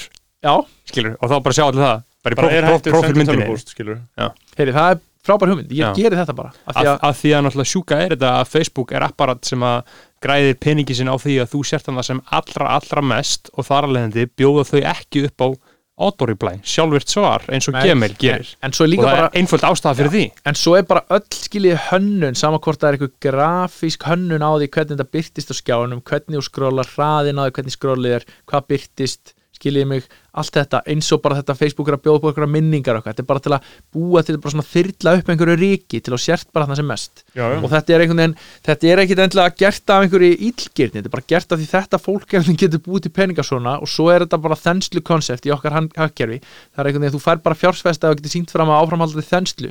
Það er það sem að keiri til þess Íslendinga alltaf að kaf, einhvern veginn því það það að ár, þá kannski þú bara komin í max fiskveðar, þá er ekki hægt að auka það lengur. Þá er þetta bara þá bara stendur þetta undir sér en ekkit meira, bara veitir þetta ákveðin stör punktur. Saman með ferðamennskuna, þess vegna fórum við á á hausinn. Einhvern veginn, það er hægt að tala sko um einhvern flokkna fjármálagjörninga, váfa bara það konsept og einhvern veginn fegst fjö inn í fyrirtækið meðan það var þensla meðan það var verið að metta hennar marka hennar ferðamennum, svo bara allt í innu erum við bara komin á þann stað. Þá hættir þetta að ganga upp, þá bara hrinur allt. Og einhvern veginn og mann óttast einhvern veginn að Æslandir fari kannski sömu leið líka, það verðist einhvern veginn aðeins eða skilji, ég Já, er já, ekki inn í já, þessum fjármálum allir ekki að þykjast eins og við vitum það, en svona fyrir einhvern leikmann bara svona þegar maður sér því glögt er gests auga þá finnst mann einhvern veginn, þetta fellur alltaf á þessu. Það bara Já, einhvern já. veginn Snýstum vöxt. snýstum við hann vöxt. En að því við erum að tala um að þú vorst að tala um að þetta, þetta góða í heiminum og, og að við séum að fara í góða átt og við hljótum að trúa því sko, hann að bræða við erum bjartinsmenn þá er Berðhósi kannski meiri bjartinsmæður Ég, Já. ég er Bjart sínismæður, Eh, sko, Snorri, Snorri svart sínismæður, ég, sko. ég trú á myrkrið. Hann er að mó, mó, Eh, móti nýjungum en ég held að hugsanlega já, en ég held að hugsanlega sé það að, ég, að, að mín, að, að sú, það viðhór mitt Mhm. sé skilit af þeirri staðrind að ég, þú veist, ég, það virðist allt stefna í það að ég helgi líf mitt einhvers konar sko starfi uh, með bara tungumál. Hvort, þú veist, fjölmilun um, og eða þá, eða þá bara eiginlega kannski fræðimennska Já. eða rittstörf uh, hvernig sem það er, þá einhvern veginn eh, snýst þetta um tungumálið Já. og, og það gerir það á sama tíma og að það blasir einhvern veginn við hvað það er dauður atvinnuvegur og hvað, hvað tungumálið veist, allir er einhvern veginn sammála um að það sé bara fara í klósettið, við erum farin að tala ensku það er að klúðrast, þetta er svona einhvern veginn tilfinningin og sömulegðis ef þú lítur á bara fjölmiðlun eins og hún er í dag, þú veist, með við það sem hún var fyrir 25 árum þegar þú gast bara fengið vinna okkur blaði og það var bara fucking fest En veist, þú varst bara sko, þú, þú, ert að, þú ert að horfa á þetta sko með svartínsögum Já. ta, ta, Já. ta, Taktu 200 Íslendinga Já. Taktu á alla saman í eitt herbyggi Já. og spurðu hvern og einn hvort tengir frekar við einhvern eða eitthvað sem að tala við þig á íslensku eða ensku Já. og 199 er að fara að svara þér á íslensku já, já. Já, þetta er pínlítið eins og ég var að segja mig að gera eitthvað ég var, var að fór hérna En ég er að segja, þessi tilfinning um að vera Já. þú veist, að þú sért að helga lífið Þegjandi hlutum. Og, veist, og ég, ég, mér, ég, ég er að hugsa skilur hvort að þú hafi til mér kannast, kannast þessu tilfinningu að, að helga lífið þínu já. hluti, hlut sem er ekki lengur í vexti. Já, veist, það er já, svo leiðilegt að akkurat. vera ekki lengur. Já, er ég er að hugsa, ég myndar ef ég væri bara ef ég væri bara vísindamæður, ég hefði bara lært einhverja verkfræði og ég væri bara einhverju fucking fersku nýsköpun og shiti sem allir væri að tala um að væri þið shiti en svo verður svo verður ég að sko bara svona áminning fyrir okkur báða. Ég stakk mér, stakk mér til sunds með Pétri Bjössinni fyrirleikara áðan hann, var að, hann er ættaður og hann er húsafelli borgarfelli hann eins, var og, eins og við, við Já, erum já, líka. hann sanna. að, já, ymmit Ha- hann er húsafellsmaður en við erum hann í kvítarsíðu rétt hjá bara á fljótstungu já, akkurat, það er alltaf mjög nöfnin ykkar er bæði þarna í sveitinni já, mikið í já. kring, ég nefndur að hluta til hann í, Höfuð á höfuð Snorra. Snorra sko. já, skemmtilegt hérna, það allavega, hann var að segja mér sögu af ég ætla ekki að fara að nafngreina þá, segja mér sögu einhverju sveita mönnum hann, meðal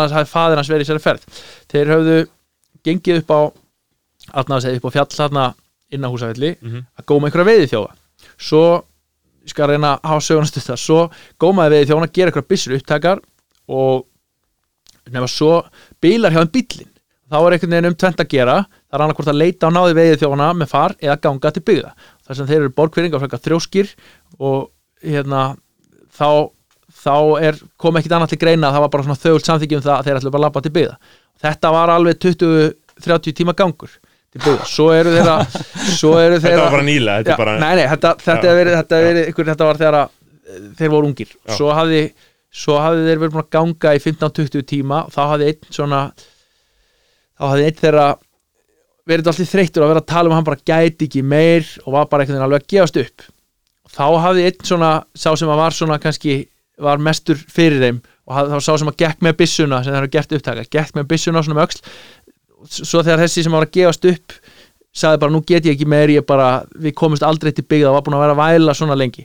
Þá segir þessi með byssuna segir það bara tekur svona byssuna niður einhvern veginn setur hérna skot og segir bara jæja Jón, hvar viltu liggja og þetta nú verði ég að segja sama við þig einhvern veginn, ef þú ætti að tala svona, verði ég bara að spyrja einmitt. Snorri, hvar viltu liggja Já, einhvern já. veginn, allar bara að gefast upp skilur, Já. allar bara að reyna að labba þetta er svona get rich or die trying þetta er bara allt í það, Já. ef þú bara annarkvæmt bara trúir á eitthvað og bara heldur áfram í því og svo bara sekkur með því skipi eða ekki, eða þú bara ferði eða þú fer bara að framleiða einhverja skilur, við getur, við getur stopnað eitthvað svona fyrirtæk sem framleiða með eitthvað svona easy listening tónlist sem er náttúrulega ekki köllu easy listening tónlist en er ekkit annað og við getum bara dælt svoleiðis því það er það sem fólk vil heyra ég meina, við elskum íslenskuna, bæðið þú og ég.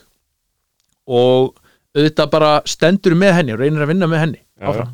Já. og, og mér finnst ofta einhvern veginn þegar einhvern veginn allir alla vörur í maturubúðum heita einhverjum fucking enskum nöfnum allt, skilji, og ég get ekki eins og tjáð með þetta á þess að þurfa að bölva á ensku, skilji mig. Þetta er bara allt í kring.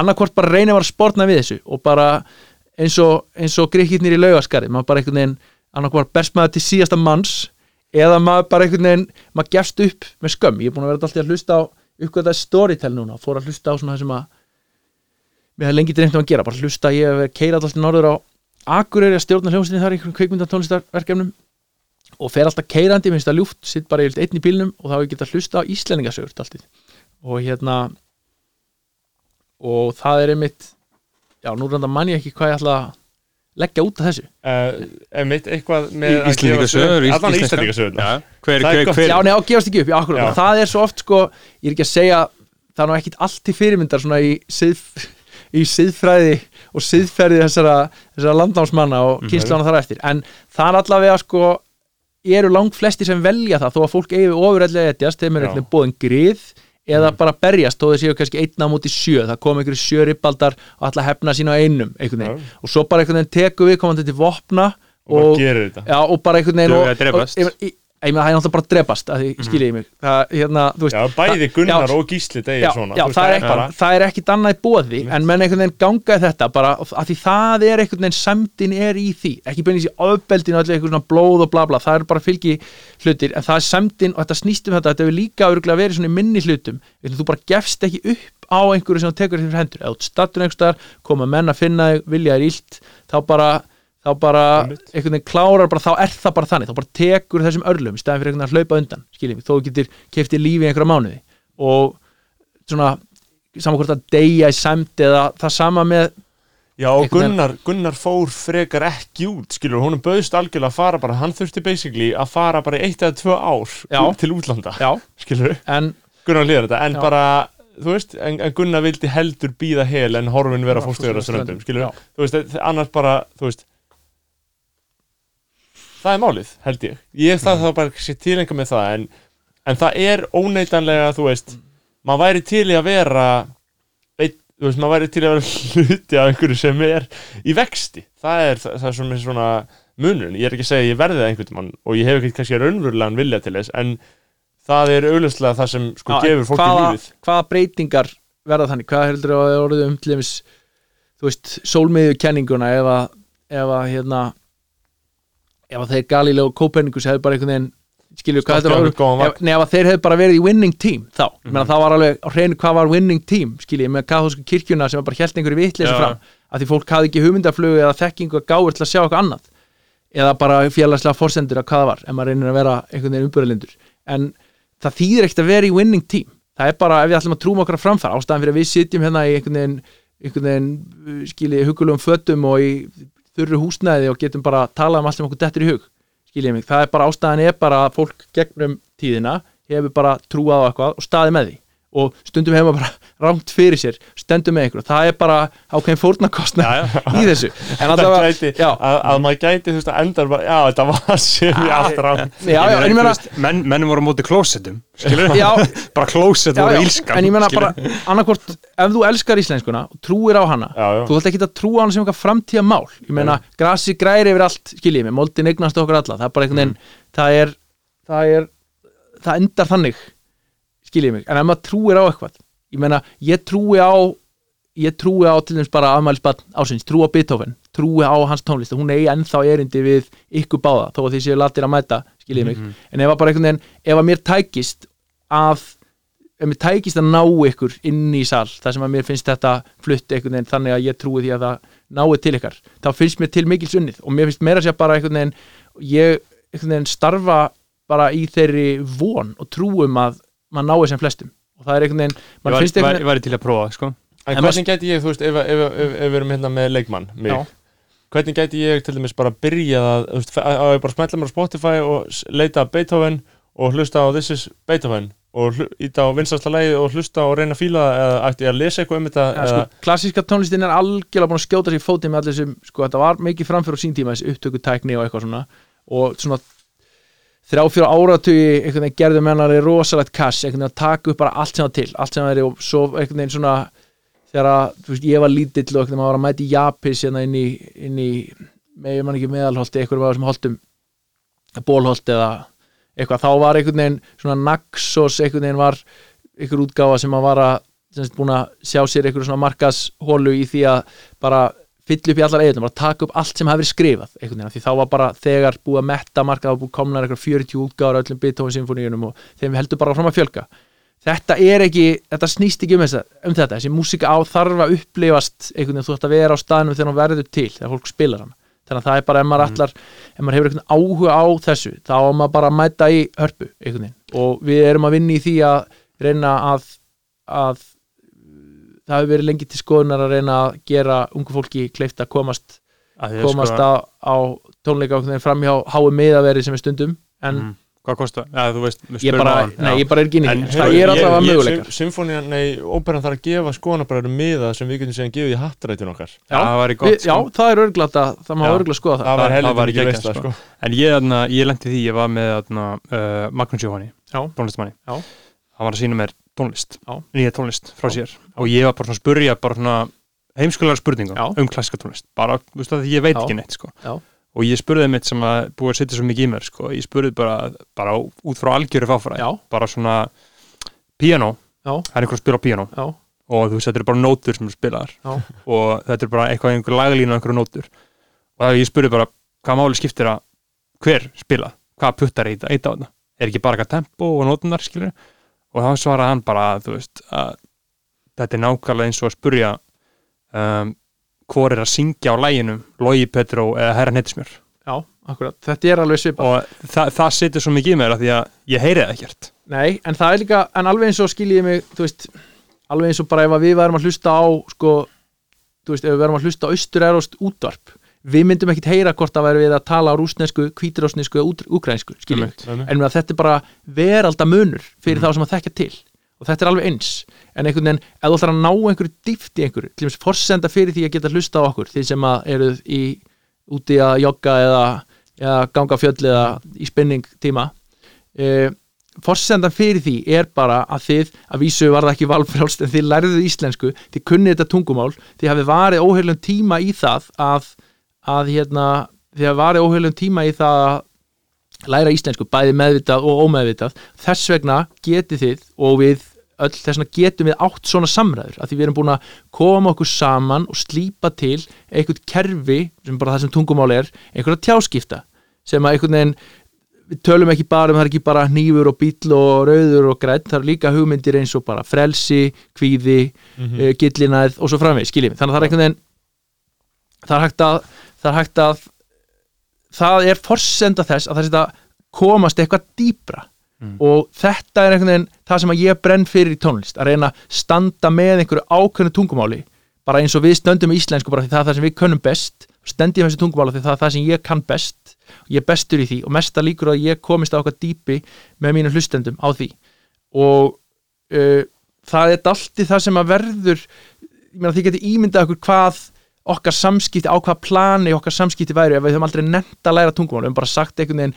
þetta er svo stíft og þetta er svo mikið tradisjón. Eitthvað, tungumál er ekkit annað en bara fucking tradisjón, Mhm. skiljið mig milli kynnslóða og annarkvort bara Þetta er bara svona líðræðislegt ferli Já, annarkvort bara beigir þið undir það einhverju auðmygt og getur það átt eitthvað djúb samskipti. Eða þú í nafni einhvers frelsis og einhvern veginn að þú viljir ekki setja inn í eitthvað gamalt hugmyndakerfi eða þú bara sekkur þá með því og lifir þá bara einhverju ég ætla ekki að vera með einhverja fordóma en einhvern veginn, allavega þá missir af þessu. Þá myndir maður missa þessum samræðum og það er alveg eins einhvern veginn, það er alveg eins ég, einhvern veginn, mér er ég er mjög handgengin í íslenskunni og mjög hef mikið áhuga á þessu tungumáli. Hef varið miklum kröftum í að kynna með máli betur bæði og bara tungumál yfir höfð ég haf haft mjög gaman að læra tungumál og, og hef ágæta yfirsýn það, les mikið bækur og, og ég er líka kann, er þetta alltið svona að færa svellin í þessu tungumáli sem er tónlistin. Mér finnst bara sumi hlutir sem að þeir sem að hafa verið best sagt, mæltir á þessa tónlist hafa sagt, eins og til dæmis bara því ég nefndi Beethoven áður.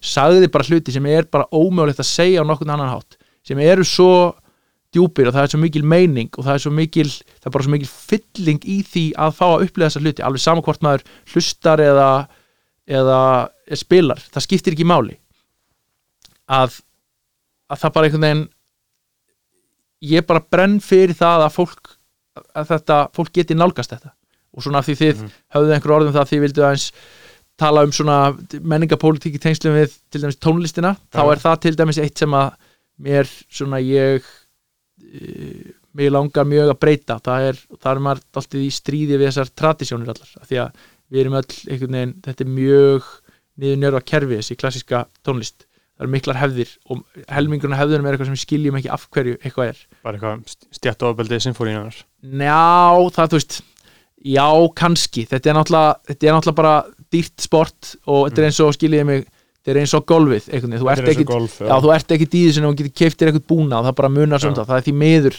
sama með þetta, en það væri mjög æskilegt að breyta þessu, sérstaklega því það fara nú fyrir nú skatt fyrir þetta. En mikið af þessu er verið að halda í til dæmis alla þessa ítölsku uh, ítalskan dásanlega tungumál og í, mjög, í óperunni sem sagt. Já, bara í óperinu og líka bara öll þessi kabla heiti, þú opnar eitthvað prógrami Beethoven Symphony og það er fyrsti kabli Allegro con brio sem að segir þorra fólks nákvæmlega ekki neitt mm Mhm. mig. Og, og þó að ég viti hvað þessi orð þýða þá segir þetta mér samt ekki mikið af því þetta er ekki orðin sem ég nota þegar að mér rennur í skap og ég einhvern veginn tala við fjölskylduna mína eða eitthvað, skiljið mig. En, en einhvern veginn þetta er alltaf spurning um hvað svona verður sko lost in translation hvað, hvað já, já, í stæðan fyrir að kalla þetta bara, þú veist ég veit ekki hvað þetta heit, myndi heita í stæðin bara kviða eða eitthvað, þú veist Já, ég meina, þetta er bara einhver, til dæmis þessi, þetta er bara einhvern yfirskrift á einhverjum fyrsta kabla í einhverju symfóníu og bara því ég var stjórna henni í morgun einhverju fjölskyldu tónleikar á fimmtæðin hvað, hvað þýðir til mér adagio? Adagio því hægt. Já. og hérna og þá er kablinn, það getur verið einhver hægukabli sem heitir Adagio eða eitthvað Já. bara allt mögulegt Adagio, Piacevole, einhvern veginn hægt og þægilega eða hvað það er það er bara einhvern veginn verið að lýsa stemmingunni svona Já. til að hljóðfæralegarnir sem í gamla dag komu að nótunum einhvern veginn, þá var til dæmis ítalskan svona var útbreytt einhvern veginn þegar þetta, þessar hefðir voru mótast þá var það bara tungumál eins og maður kannski myndi tjá þetta á ensku í dag til að ná til sem flestra. Þá var þetta bara einhvern veginn sem tónskáldi gerði skrifaði þetta inn bara til að geta á sem skilvirkastan hátt komið því til skila hvaða stemmingu hann sæði fyrir sér þessum kabla þannig að þú sér þessi orð einhvern veginn velur þá hraða á því sem þú ert að spila nótunum af því það er einhvern veginn og svo byrjar það þar og svo bara einhvern veginn, svo opna tónlistin bara sjálf og leiður byrja að spila þá finnur bara einhvern veginn hvað er þarna, þú ert bara komin inn einhvern heim þetta er eins og pínlítið bara eitthvað að kveikja á okkur í ræmu skiljiði mig á Netflix og maður einhvern veginn veit ekkert hvað er og svo bara einhvern veginn maður komið einhver stelning ok, þetta er hrótleikja eða Mhm. alright, þetta er heimildamynd um, um skiljiði mig um um, þú veist, bara einhvern vinans Trump akkurat, þetta getur verið eitthvað svo leis en, Mhm. en þetta er orðin svona veist, ég held að sé alveg sama hvað setur einhvern veginn, hvað setur klassíska tónlistamenn í mikið G-Star Raw eða eitthvað stöff, einhvern veginn. Þú veist, þeir verð, það verður alltaf bara þetta bil á meðan þú heldur í þessa ítölsku til dæmis. Og jújú, jú, þessi ítalska saga, þetta skiptir allt máli. Þetta er bara alveg eins og með þetta er alveg eins og með kirkjuna, ég meina hvað á latína að segja fólki á Norrlund sem aldrei heyrt um hann áður. Auðvitað bara hlaut hún að hverfa. Ég meina latínan, þess að það sé mjög stór partur af því til dæmis að, að kathólska kirkjan einhvern veginn stendur sterkust í rómönsku löndunum af því það eru næst, tungumálin eru næst já. latína, er ekki flóknar en það. En svo bara einhvern veginn kemur einhver maður sem hugsa bara nei, við viljum alltaf bara, það er inntakið í því sem við erum að segja, en ekki orðin sjálf sem skipta máli.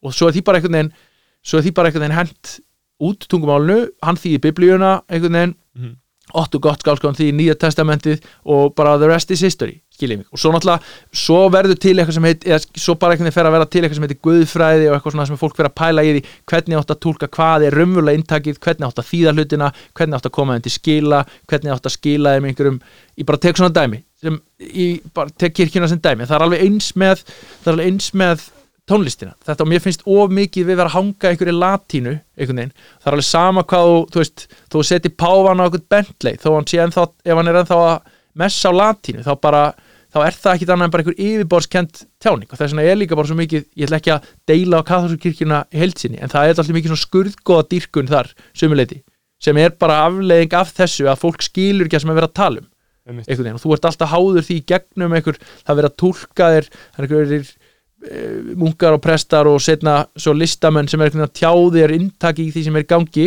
Þeir, það þú ert að sjá það einhverju listaverkum, einhverjum myndum og skurgóðum og einhverjum dýrlingum og svo framvis og þetta þetta er allavega þetta finnst mér fjötra klassísku tónlistina mjög mikið, ég hef sagt Mhm. það áður ekkert í einhverju viðtali, mér finnst persónulega fáránlegt að Íslendingar syngi fyrir aðra Íslendinga á ítölku en það er líka svona einhvern veginn Þú myndir helst vilja bara að við værum bara að syngja uh, myndir þú vilja hafa telur að við eigum eitthvað sem við getum sungið í staðin hérna eða við ættum að semja það eða þýða Já, þetta? í fyrsta lagi náttúrulega ætti að semja það og ég meina, það hefur ekki gengið vel að syngja til dæmis óperu á íslensku en partur af því er bara að það hefur verið settur svo lítið kraftur í það, skiljið mig. Er, Það er líka nokkuð sungið á þýsku eða ekki? Jú, það er bara því að partur af því er bara að þjóðverðarnir einhvern veginn, þeir byrjuðu mjög snemma það og þangað til þangað til fyrir einhverjum 20-30 árum var allir, allt nema bara allstæstu húsin svona sem voru mest international. Þá voru öll minni óperuhús í Þýskalandi, sungu bara á þýsku. Var bara allt saman hvort að syngja rústnest, ítalst franskt, það var bara allt þýtt. Og það náttúrulega skildi fólk hvað var í gangi. Og það er ástæðan fyrir því að óperusókn er ennþá í dag einhvern veginn stendur sterkust svona almenn óperusókn úr öllum stjættum stendur sterkust í Þýskalandi. Mm. það er bara arflega þessu. En hún dvínaði gífurlega kjálfæra þessum breytingum einhvern veginn að ég fólk fór að syngja ítölsku þá, veist, fólki finnst nógu erfitt að fara í fokkin leikús já, og það er tölu íslenska. Já. Til þess að það sé ekki að fara á óperu þar sem bara, það skilur bara hvorki upp niður niður. enda því miður held ég að það sé oft þannig að fyrir mörgum er einhvern veginn felst upplifun í því að fara í óperu, bara í því að sjá allt þetta umstang Já, já. skiljið mig, bara alveg eins og einhvern veginn alveg eins og sko maður já, ég veit ekki eins og þetta er einhvern veginn þú veist, bara alveg eins og svona einhvern veginn svona lottara matreisla getur orðið, það sem er bara að bera fram með einhvern veginn í raunin bara seriós og súrmjólk þú veist, það er einhvern skreitt og borið fram með einhvern veginn, það er búið að breyta breyta einhvern veginn eðlis eiginleikur súrmjólkur og gera í einhver- breyta henni í eitthvað breyta henni í einhverja ösku eða einhverja kvóðu eða hvað það er og seriósið einhvern veginn, skiljið, er orðið einhvern gratín þetta er bara samt sama stöffið. En mér er svo áhverð sko að einmitt að því að tölum um sko að klassika tónlistin sé svona óaðgengileg Já. að því mér finnst svo skrítið hvernig svo þróun var að því þetta ætti þannig sé að vera tónlistin svona í kjarna allra þetta er upprunarlega tónlistin en, en síðan er þetta þú veist náttúrulega alltaf þú ert að læra að hlusta á þetta og allir bara að venja sig á það að hlusta á poptónlist skilur Já. Og síðan eru svona kemar í poptónlistinni sem er mjög lærð hægðun að geta skilið. Já. svo mjög mikið bara nútíma framúrstefnulegu söðuríkja rappi. Akkurat, það eru bara einhverjir sem að þú veist, já, já, þú ert að setja inn í heilt tungumál. Já, þetta er bara algjörlega nýtt tungumál eins og bara, þú veist, 2012 þegar að Chief Keef uh, gefur fyrst út akkurat, bara 17 ára strákur í Chicago algjörlega bara umbyltir vinsælustu tónlistamenningu uh, nútímans og bara með einhver svona nýju bara með því að endur þetta eitthvað orð aftur og aftur ótrúlega eimt og allt og svona monotón og svona mjög svona slefar smá Já. og bara eitthvað fólk fíla það svo mikið að allir einhvern veginn skilja og byrja að tengja við það já, ég einhvern veginn til dæmis, ég svona sótti meir, kannski mest í svona kannski klassíska tónlist og aðra tónlist en fólk sótti í þegar ég var yngri Já. þannig að ég einhvern veginn til dæmis, ég, ég upplýði þetta til dæmis bara, við það kannski hlægilegt í eirum einhverja hlustenda en ég einhvern veginn þegar að svona gott fólk í kringum ég fór að lofa þessa plötu Kendrick Lamar hérna sín tíma mm. þá Hva, einhvern, hvað er plötu? ég bara maður ekki já, það var, súplata og mér langaði svona að það var bara fólk kringum mig sem að ég bara mat þeirra álit mikils þannig að þau lofuðu Mm. þessu töluðum hann sem snilling Mhm. þá langaði mér mjög mikið að sko, skilja ykkur þetta fælst Mm. það dugaði bara enga veginn hjá mér að hlusta á þessar plötur, ég þurfti að fara að hlusta á alls konar stöf, vinna á okkur þessu undirbúinu sínu bara að setja minni til þess að geta skilja þetta en, Mhm. eða einhver, til að geta ná já. einhver út úr þessu en ég, svo vinna var mjög þakklátt af því ég komst miklu nær því að átta mig á því hvað, hvað ótrúlega sköpunar Einmitt. og partur af því er þá bara að setja sig inn í eitthvað ákveð pólitíst ástand, setja sig inn í einhvern veginn bakgrunn hans, skiljið mig en svo finnst fólki þetta aðstæðan að setja sig í þessa stellinga með einhver eldri tónlist skiljið mig, en partur af því er líka bara allt þetta látbræðið í kringum klassíska tónlist og partur af látbræðinu er allir þessar ítölsku stellingar, það verður allt svo stíft og einhvern veginn það að fara í hörpuna einhvern veginn sem er svona dásanett hús eins og hún er Mhm. er líka bara rosalega allt svona þungt í vöfum, þetta er bara stórt þetta er mikið bákn, skiljiði mig. Þetta er náttúrulega ákveð svona gler hísi, það ver, þetta er bara mjög ókveikjandi fyrir suma og einhvern veginn fólk bara treysti sér ekki í þetta. Og ég einhvern veginn svona mér dreymir um að finna fleiri leiðir til að til að koma fólki yfir hennar Já, við hljótum að finna það, við þurfum að gera sérleir talsmenn óperunar henni í skoðanabræðurum sko. en þú varst að segja sko, þú varst að tala um hann að einmitt hana, að þú hefur að hlusta aðra tónlist Já. eh, í æsku. Já, eh, þú varst væntalega á fiðlu frá því þú varst krakki já, eh, er ekki fiðla aðal hljóðfærið þitt? það var það, ég spila mest á piano í dag. Spila Það mest á píano, Það er bara praktískast. Þú skiptir yfir? Já. Má það alveg, menn, menn, er það eðlilegt eða, að, sko, Ég kláraði bara fiðluna og tók réttindi hérna í listaháskólum á já, eða láfiðlu og svona, þú tókst það 2009 þú ansi vel undirbúin. Ég, ég, topp ég, Ég er topp blaðmaður, ég er mjög vandaði blaðmaður sem sér mjög vel. En sko, en málið er að það þarf að útskýra mislegt sko. Eh, að því að þú, það stendur þú sett fættur 89 Já. Þú ert það. Já. eh, og, og þú útskjöfast 2009 Já.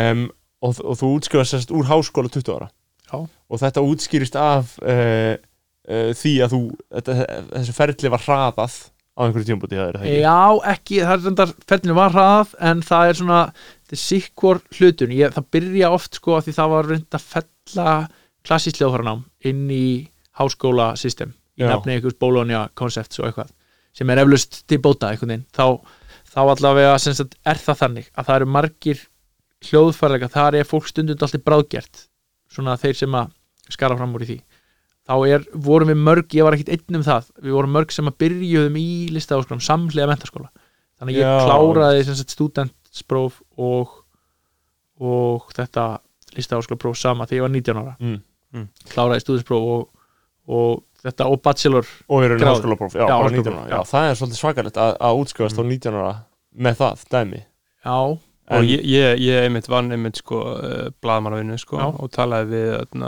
sammeila vinn okkar uh, Magnús Jóhann og, og Ar- Arnar Inga sko. Já, svona grenslas fyrir um hvað var þetta spurjum sko Já. og þeir svona lístu þeir báði sem svona uh, bara nokkuð svona savant í tónlist.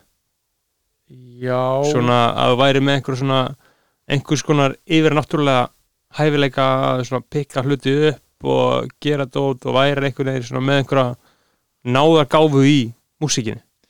Sko, ég veit ekki, maður á ekki að gera lítið úr því en ég held að ég sé kannski frekar heldur með eitthvað yfirnáttúrulega gá, held ég sé bara með yfirsýn.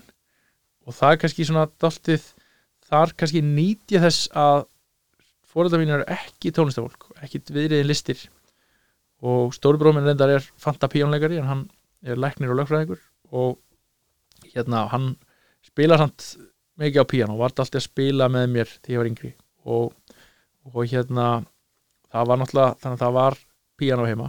Og ég átti líka góða kennara fylgur kennara framan á sem voru mjög hvetjandi. Og ég einhvern veginn fór að hafa svona einhvern veginn, einhverjum hlutavegna, ég veit ekki fór að hafa svona viðtækar áhuga fór að hafa miklu meiri áhuga tónlistinni heldur en feðluleiknum Mm. og það var svona fór að sín, kannski var það bara líka því ég var óþekkur, einhvern veginn vildi ekki æða með feðluna og vildi frekar einhvern veginn gera það sem ég átti einmitt ekki að vera að gera sem var að spila á píanóið.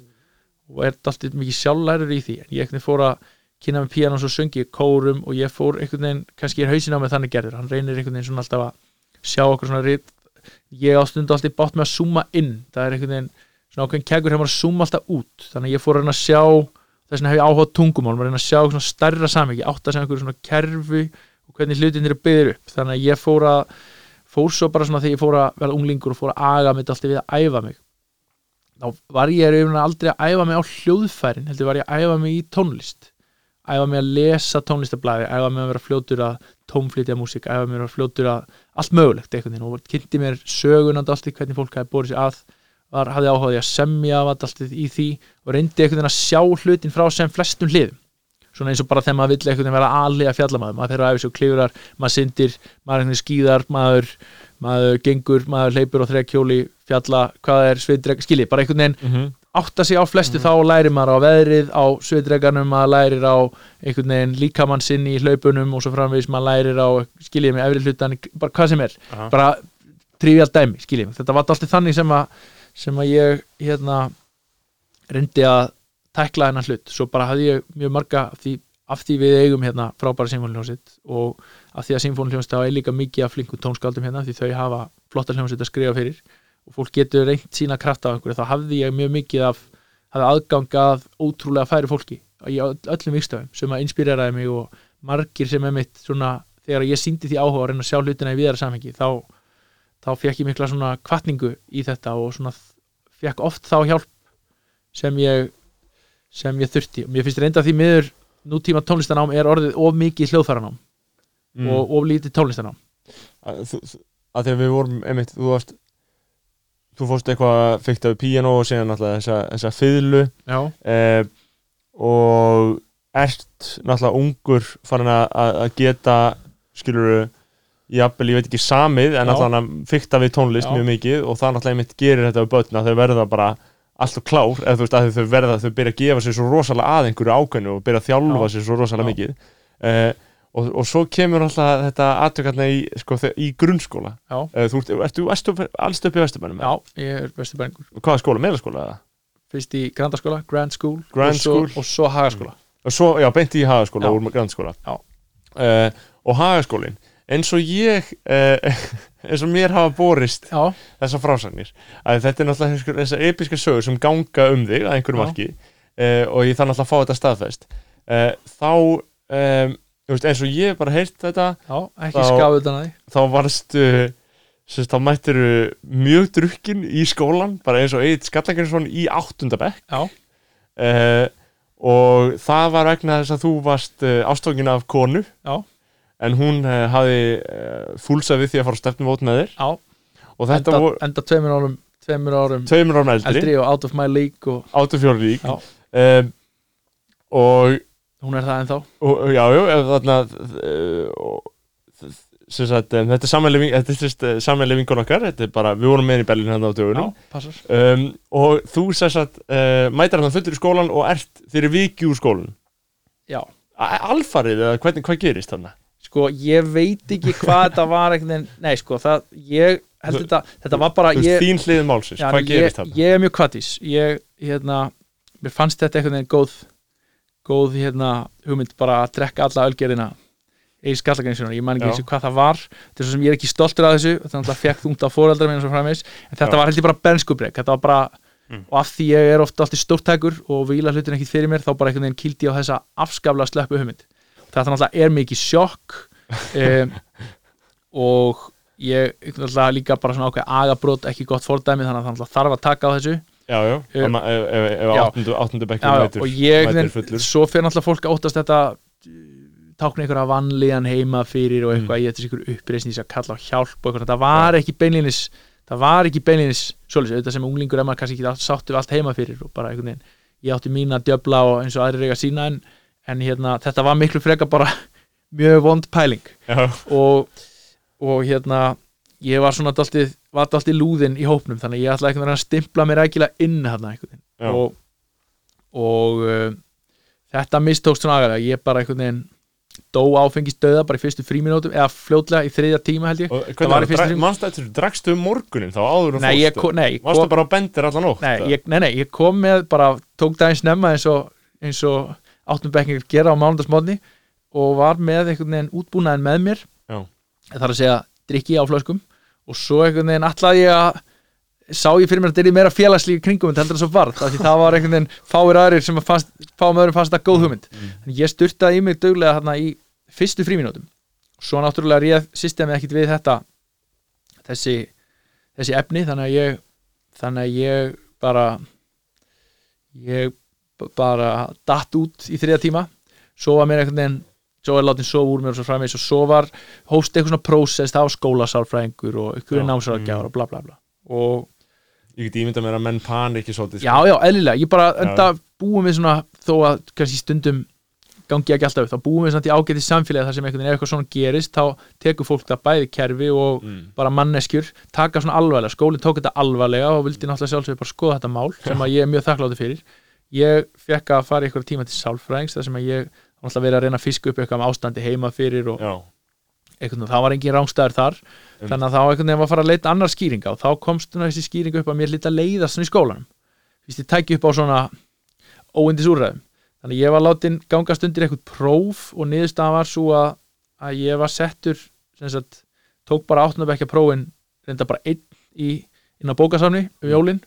Og hérna og svo settist ég bara í tíundabekk já. eftir áramót, tók samnandi prófin um, Þannig að það Fyrir flýtir vor. þessu líka þannig að þú varst færður upp um tvö ár Já.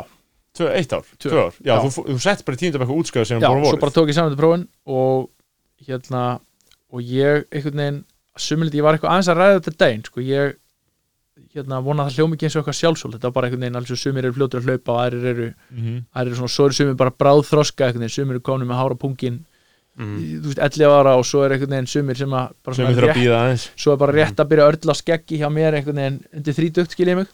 Þannig að e, þannig að þetta er bara allavega. Ég allavega átti mjög auðvelt með þetta og ég var einhvern veginn með alhæstu á landsvísu í þessum samlandupróf Já. og það var lítið fyrir því haft og sem að hefur bara er að sumu leiti bara ákveðin bölvun.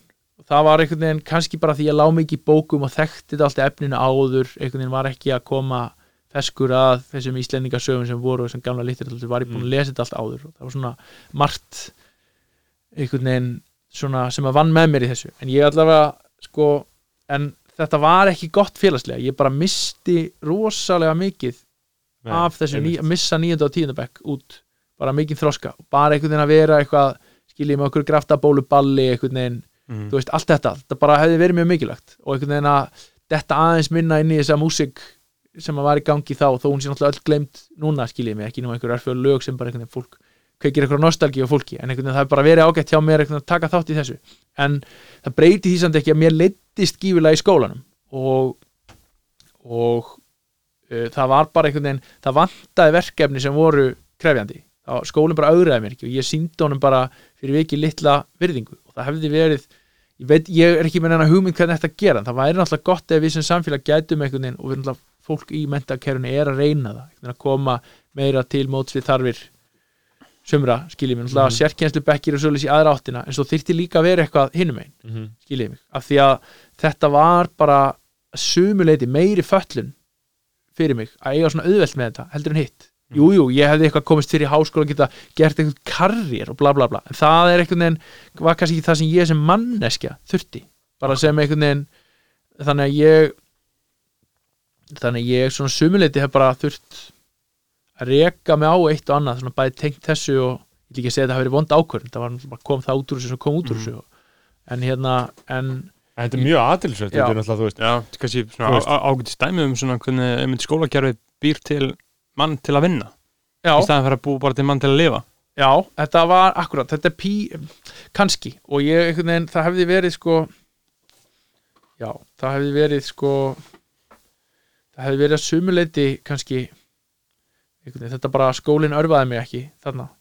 Og það var kannski ástæðan fyrir að mér leiti svona og tók upp á svona óundis úræði en Það er svolítið gott sko einmitt bara að mæta fyllir og fara síðan upp um tvo bekki og, já, þetta er náttúrulega þetta orkar þetta allt í tímæli svona það er upp í staði en þetta er náttúrulega ekki til eftirbreytni. Og ég svona hefði, ef ég fengi að velja aftur þá hefði ég gætna bara sleppt þessu og tekið mín ár hérna, kynst Mhm. bara mínum árgangi aðeins betur og, En og fórst bara, útskæði sem bara fórst bara í MH og nei, svo fór ég tók ég eitt ár sem var bara í músík Ok, sem var líka ekki góð ákvörðin því það var eitthvað bara, þá vantaði mér bara allan struktúr og utanafald, Já. ég fór í eitthvað tíma í tón og skiljiði mig eftir hátdegi þegar þeir Mhm. voru því þeir voru náttúrulega mikið, þú veist, og ég er náttúrulega komin mjög langt í því, ég var meira með fólk í tímum sem var komið í mentaskóla og, Mhm.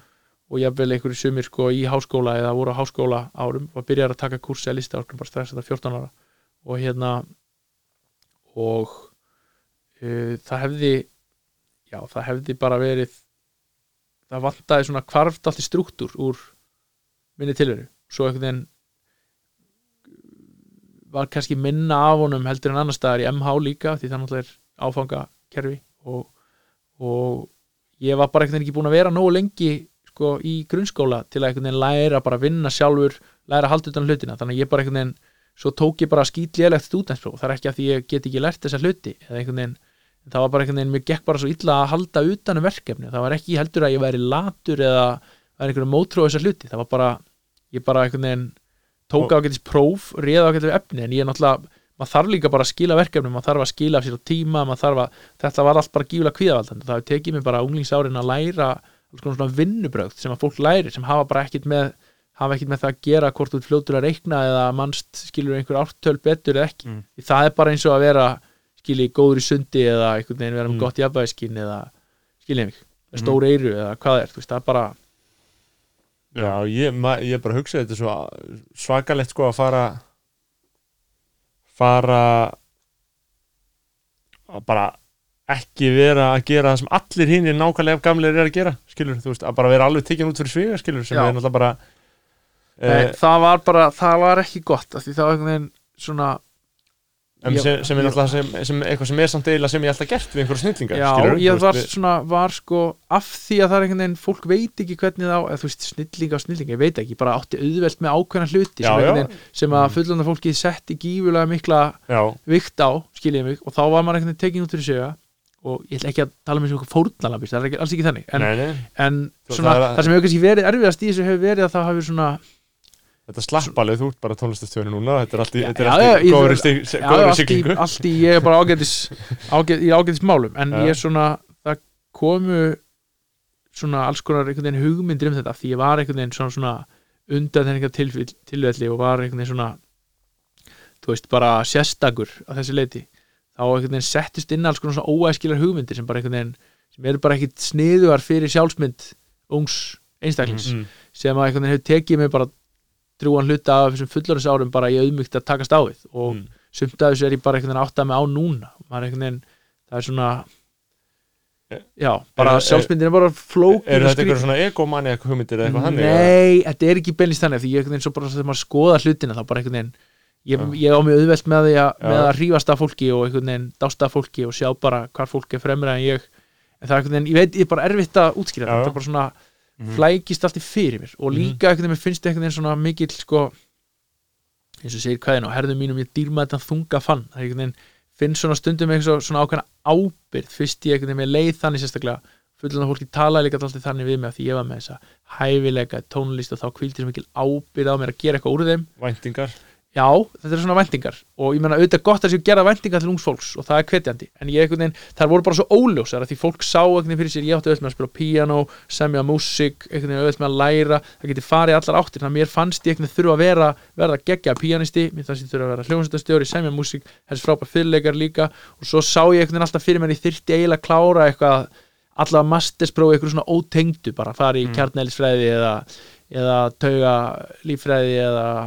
að eitthvað, eitthvað Mm. skiljiði mig eða einhvern veginn Mhm. Einmitt. þú veist, og vera með prófa gröfu og, og bara hvað sem er, skiljið mig en vera, þú veist, með réttindi á línubát og, eða einhvern veginn, sá þetta alltaf fyrir mér að þú veist að ég þyrfti þá fyrir viki einhvern veginn að sína auðmygt gagvart þessari getu, en svo var þetta bara þetta var bara geta á þetta var bara einhvern veginn þetta var bara geta á ákveðnum parametr sem var mjög há en svo bara vantaði annað, ég var bara seinþroska mjög mörgu öðru leiti og það er einhvern veginn bara svona hefur verið erfitt einhvern veginn að átta sig á því og fatta það. Og kannski líka stundur svona erfitt að kingja því á, á svona einhvern veginn komin yfir tvítugt. Að maður sé kannski Mhm. bara eigi eftir að þroskast það sem einhvern veginn aðrir einhvern veginn sem áttu ekki jafnveg öll með að læra einhvern veginn eru kannski bara komnir alveg mörgum kílómetrum fram á manni í þeim þroska. En þá er líka bara verður maður að reyna bara að treysta á hjartað og vera auðmjókur og læra þá bara fólki og vera í kringum fólk sem að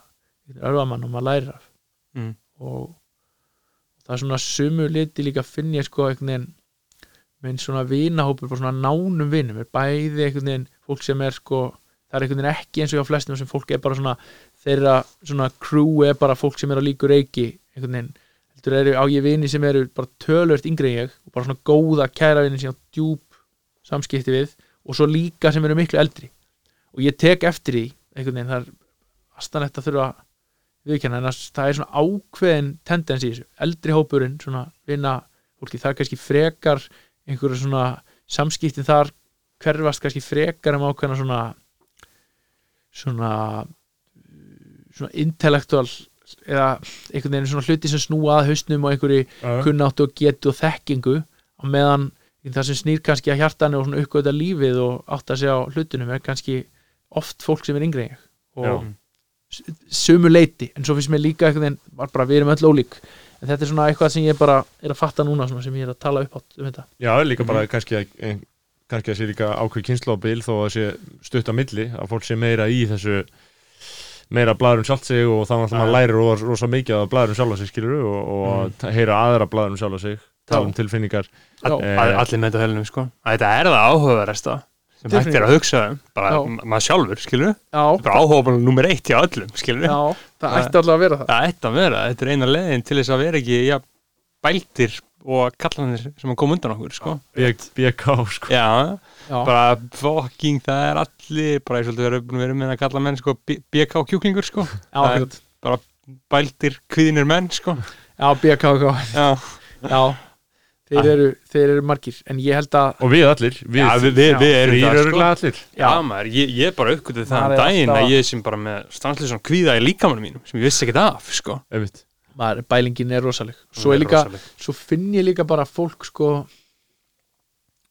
gerir sér sömum þegar setla kannski eignar spötn og fjölskyldu og svona, að fólk svona það er kannski að einhverju leita kvíl í sjálfum sér þegar maður bara svona sætti sér við að ég er svona með kostum og göllum Mhm. þá hætti fólk kannski líka sömuleiti að bæta sig. Já, tek aðeins eftir þessu með fólki kringum mig. Mm. fólk svona lætu gott heita með Já. að þroskast. Já, fólk, jú, fólk tekur einhverjum framförum fólk eru kannski betra að smíða fólk eru betra einhvern veginn í hinn og þessi betra í kokkar betri hitt og þetta. En einhvern veginn svona jú, jú, fólk reynir eflust að vera betra betri makar og betri feður og mæður. En það er líka bara einhvern veginn svona taka sig alveg í gegn sem mannesku stöðugt og það hefur bara ekkert verið vannþörf á því hjá mér. Það er bara margt sem að einhvern veginn sem að maður getur gert betur. Og bæði einhvern veginn átta sig á heiminum og það er svo erfitt, ég veit ekki, það tengja örgulega margir við það, stundum er erfitt að átta sig á því hvort að einhvern veginn hvort að það er eitthvað að heiminum eitthvað að manni sjálfum já, já Mhm.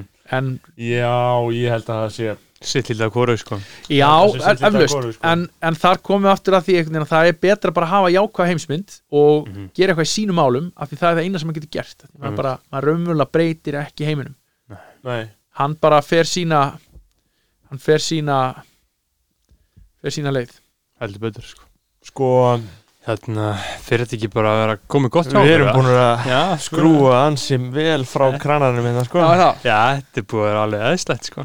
Herru, kannski eitt, sko, ég heyrði sögur um mig líka na, eitthvað frækt inntökupróf sem að þú, na, hvað sem maður, þreyttir. Já, í Berlín. Já, já, nú akkur er það frekt? Eða það var bara einhver einhvern mann að segja við Ég held að þú hefði líka fengið þetta úr einhver annar átt. Þetta er alltaf flökkusögur, það ganga já. um mig já. En finnst þú gott bara að leifa þeim að vera eins og þeir eru. Svo Já. gaman að heyra þær hérna.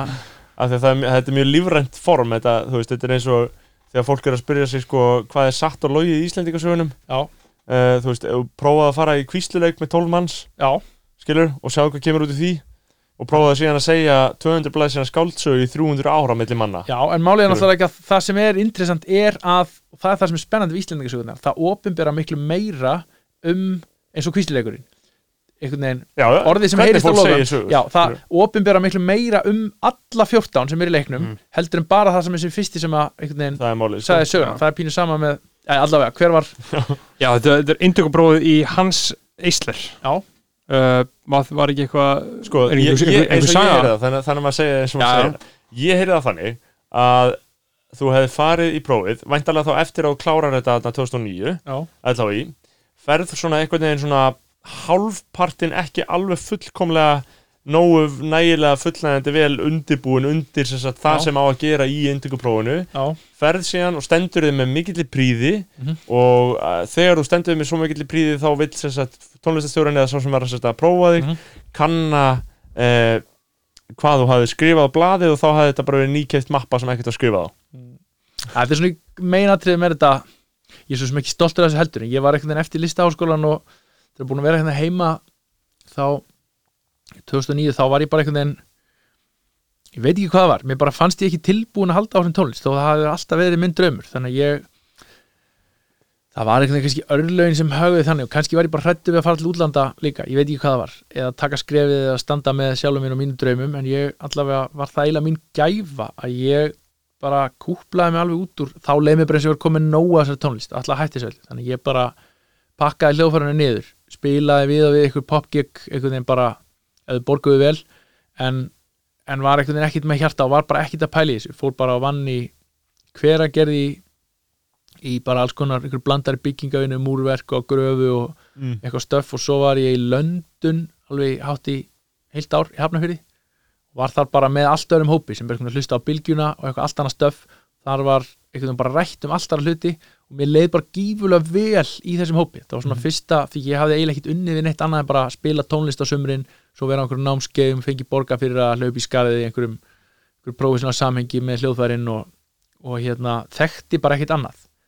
Og uh, það var svo gott hjá mér að kynnast þessu, kynnast bara öðrum vinnuháttum og kynnast bara öðru lífi. Svona náið, einhvern veginn ekki það er ekki nóg að eiga frænda sem er pípari skiljið, maður eitthvað svona spjalla við hann aðeins og einhvern veginn fattar að hann heldur með Chelsea og eitthvað, bara vera, raunlega bara að vera vinið mann svo félag, maður einhvern veginn situr bara og, og hérna já, bara er já, og ég vann, já, vann hann í Löndun og var bara einhvern veginn í alls konar fór bara eitthvað svona grotta bara það einhvern átti að vera bara sem grottalegast og ég einhvern veginn bara elskaði að mistýrum á mér höndunum og ég veit ekki hvort það var eitthvað svona sálrænt eða hvað það var einhvern veginn, það var allavega það sem ég gerði, svo svo var ég einhvern veginn svo var ég eiginlega skráður í inntökum, ég var náttúrulega búin að tala með lista ásvona, þeim langaði að fara að læra hljónstastjórn var bara ekkert búin að gera í því, ég veit ekki hvort það var hræðslega hjá mér eða bara ég var ekki tilbúin svo skráðu vini mínu sem voru í, í Berlín, byggu þar, skráðu mér bara inntökuprófin á skóla.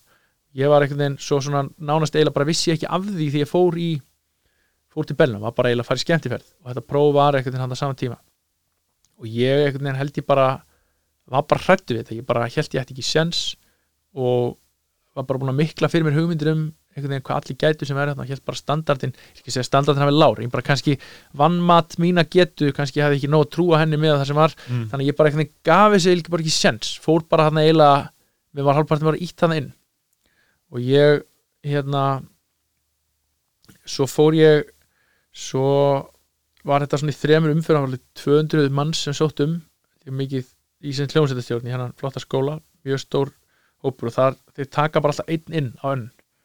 Og svo einhvern veginn samastöðu þetta svona alltaf fjölbreytt, maður þarf að stjórna fyrst einhverju þremi píjánuleikurum sem er að spila einhverju útgáfa af einhverju symfóníu og bæði eitthvað sem er undibúið og líka eitthvað sem er óundibúið svo þarf maður að spila eitthvað, eitthvað hljóðfæri e, og helst á píjánu líka, ef maður spila bara á píjánu þá þarf að vera eitthvað svona aðeins flóknara.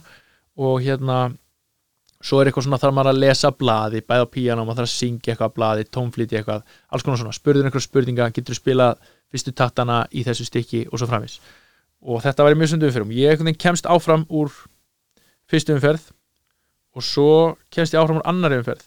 Svo veginn kemur sko svo mér til mér til mikillar hérna furðu þá komu þeir sko þá var ég bara einn tekin áfram með þriðumferð og hérna þar stýrði ég ykkur og það gekk bara Varstu þá einn eftir? já það var bara einn eftir og þá stýrði ég einhverju og spurði einhverju spurninga og eitthvað svolítið og svo einhvern veginn eftir þetta þá sest aðalprófessjón niður og segir mér einhvern veginn að þeim hafi sínst að ég hafi heilmikið erindi í þetta fag og vilji gætnan kenna mér en þeir hafi hins vegar sko séð pókan með nótunum mínum þá hafði séð bara kvittun sko úr dúsmann sem er bóka og nótnabúð þannig í Berlín Mm. þú séð að ég hef bara keift nótunar sem sem átt að undirbúa, hef keift það kvöldi áður Einmitt. og hann spurði hvort að þetta væri tilfelli hvort að ég hef verið að kaupa með nýtt eintak og ég bara var heiðlegu mannin og sagði bara nei, ég undirbúið þetta sérlega vel og þá sögðu þeir bara þetta er náttúrulega ekki gott attitút fyrir hljónstastjóra við erum ekki tilbúinir að En þú hafði verið að kaupa möppuna Já. að- já. við erum, við hérna já ekki bara möppina, það voru bara nótunar af því sem átt að vera. Mm. og hérna og Svo þú varst bara að winga það sem þurft að gera þarna. Já, í rauninni. Og hérna, það er ekki til að vera stoltur á það er pínu kannski bara arleið frá þessu Já, já. þessu einhvern veginn að bara eiga auðvelt með að læra hlutina og verkefni Mhm. voru einhvern veginn aldrei það krefjandi þurfti bara einhvern veginn aldrei sem barn að læra þetta og hef því miður ennþá er að standa maður ég treysti stundund alltaf á þetta. Mhm. sérstaklega því ég er sveimhugi og það er oft ekki það að ég sé latur eða sín verkefni ekki virðingu, ég bara stundum ræði ekki alveg við að henda að halda allum boltunum á lofti. Mhm. ég er oft líka bara einhvern veginn að koma mér í margt hef áhuga, hungraður í að vera í alls konar verkefnum. Og svo bara einhvern veginn treysti ég stundum á þetta, hugsa bara nei, ég hlýta að geta einhvern veginn hlýta að geta að lesa mig út úr þessu einhvern veginn bara á stannum eða, Og hvað sagði maðurinn síðan við? og maður sagði bara sko við erum einhvern veginn ekki tilbúinir að sko hleypa inn í þetta fag. Og sérst, að taka þessi nánum að við sjáum einhvern veginn veist, aðeins breytingu þessum háttum. Þannig að við viljum gætna taka þig og viljum einhvern veginn viljum fá þig hérna aftur í inntökupróf næsta ári eða sérst, að taka, taka inn tísa ári. Vilja, viljum fá þig hérna aftur eftir hálft ár og viljum þá sjá hvað getur gert eða ert vel undirbúin og hérna og það var það var svo það sem að það var svo það sem að ég gerði. Svo fór ég Mm. bara og var vel undirbúinn og þá voru þeir bara mjög ánæðir og tóku mig glæðirinn og hérna og var síðan í mörg mörg ár hérna í Berlín? Var ég fjör ár í skólanum og svo bjóði þetta í tvö ár í viðbót, var Mhm. mikið að spila. Er þetta ekki bara besta dæmi í heiminum að vera í útlöndum í frekar ferskri borg að með þú veist mjög gott erindi á hverjum degi að vanda þig við í náminu bara? Sko, gott erindi, já vanda mér í náminu, já, Feskri borg. Nei. Ah. Hata Berlín. Já, Berlín er bara Berlín er bara skuggina sjálfur sér. Hún var svona það ymdi aðeins eftir þessari Berlín sem einhvern veginn Ég upplifi það, Þarna. ég upplifi sko að hún hafi verið skuggina Ég kom Já, bara, ég fyrst- kom bara í eitthvað Já, drast fyrst með sé- það sem fólk var að lýsa alltaf. nei, nei, nei, og Berlín var bara, ég sá hana bara henni hnigna. Og það er pínu svona sem er óttast aðeins með Reykjavík þegar einhvern veginn þegar einhver sko greipaðin blöð fara að selja einhverja svona ákvæmna ímynd skiljið já. mig sem að einhvern veginn svo peningavélarnar og styrkjavélarnar allir fara að halda einhver ímynd á lofti sem verður bara einhver svona, þetta er eins og þegar fólk talar sig inn á einhverja sjálfsmynd einhvern veginn telur sér trúum að það sé einhvern veginn fullt að náunga kærleika einhvern veginn bara svona bara það verður svona já. auto-suggestion og svo bara einhvern veginn allt í henni bara hrinu spilaborgin það er svona pínlítið að gera sem er Berlín Berlín, einhvern, að Berlín- er að Berlín var mjög töff og ég meina, Berlín er búið þrjár miljónir þar, þrjár og hálf. Auðvitað er fullt af frábæra fólki þar og það er fullt af æðislega fólki, ég kynntist æðislega fólki þar.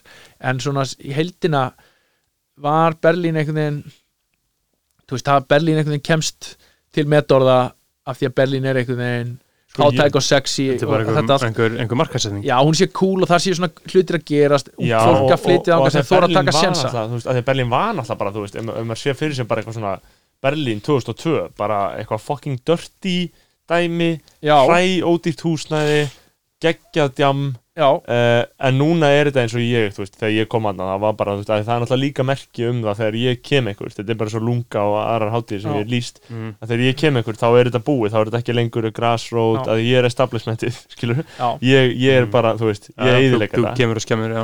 þú veist, þannig að ég, það var alveg augljóst að ég kom í jarðaföruna til Berlínar sko. Eh, þó að ég hafi alveg sko, unnað mjög vel við mig þú veist, og, og fallegur staður en, en ég sá e- aldrei þessa, þessa töfra sem, sem nei, þeir líka að fara það er bara alveg eins og maður sá í þú veist, en ég veit ekki hvað þessi töfrar eru núna þeir, kannski, ég veit náttúrulega ekki hvað þeir eru af því að ég er auðvitað, ég á ekkert að vita hvað þeir eru. En þú veist, Þeir þeir eru kannski í Lissabon eða Bel- fucking Belgrad og Sarajevo. Eða- Belgrad og Sarajevo. Sibili í Georgíu sko. Það er líka Tbilisi á svona 4-5 ára eftir. Já, já, og hérna, já. þú veist, það er svona augun eru komin, þetta er svona eins og þegar ófreskan sér eitthvað. Það hefur maður svona smá tím, getur maður notið þess að vera niður í vatnið svo það maður veginn að koma sér, en maður er bara jetin já, þetta er pínlítið þannig, það er einhvern veginn já, þetta hangir aðeins sama við það þegar einhvern veginn fólk hefur svona not a care in the world einhvern veginn, það að er fólk, það, skilur, að, að veist fólk er bara að skvotta í einhverjum gömlum húsum og það bara einhvern veginn er ekkert það er ekkert Mhm. komin einhver auglýskastof á vegum borgareigvalda að segja að borgin sé svo rosalega vilt og vaki alla Nei, nóttina, nei. skilur Nei, nei. af því Um svo einhvern veginn fer borgin að vaka alla nóttina en vaka öðruvísi, vaka að gera aðra hluti svo fyrir hún bara að vaka á kóki og borgin fyrir að vaka einhvern veginn og leikhúsin hætt að gera þú veist, einhverja cutting edge hluti af því það er einhver pútlingum fyrir að leikhúsin fara að gera bara viljandi hluti með berasa fólk á sviðinu eða hluti þar sem einhvern veginn er bara sagt eitt orð af því að það er einhvern veginn það sem að ferðamennin sem koma til að upplega þessa Berlín, búast við að sjá þá, fer, þá er þetta aftur orðið spurningum það að segja það sem fólk vil heyra. Já, já,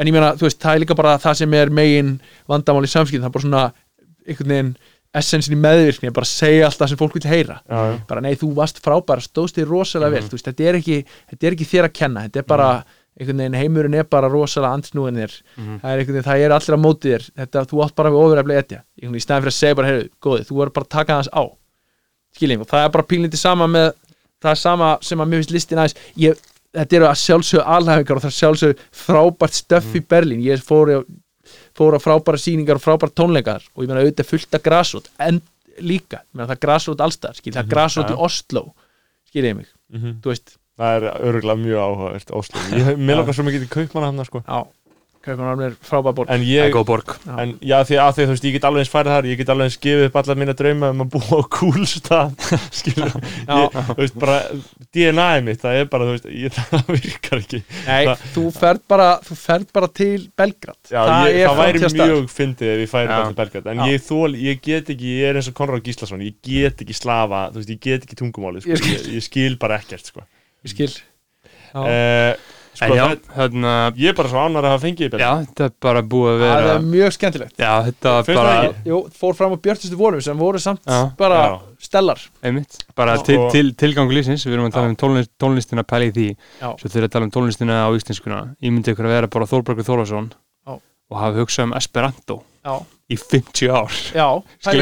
Hann bara raunverulega hjælt að allir í heiminum myndu tala Esperanto. Já, hann, það var bara, hann bara fór til London, Moskvu fór á svona 70 þing að hitta aðra Esperantoista já, og þeir trúðu því allir en allur heimurinn myndi einungis tala Esperanto. Já En sko, svo og síðan bara upp úr þessu. Já, en svo kannski kom ekki út úr þessu Esperanto bröldi hans Stórbergs, en af því hann setti þetta púður í þetta, Mhm. þá gat hann skrifa alls konar, hugsa alls konar annað sem hann hefði ekki hugsað, ef hann hefði bara einhvern veginn, ef hann hefði bara verið hérna heima, skiljið mig að sko. taka bændur upp á vaksólka, sem er líka góra gjaldavert, Mhm. skiljið mig, þetta er bara en, en, en það var náttúrulega ógeðslega fyndið þannig að þú veist, bara ef maður lesum það þegar sko, þessi fyrstu börn læra Esperanto sem móðumál skilur, að þá hrinu kerfið skilur að því Já, að, að, þau byrja að fokast í. Að, að þú veist, þú ert með tungumál sem á að vera undantekningalaust en bara mál, málhafar ráða ekki við það, þá byrði nei, og þeir klúra því.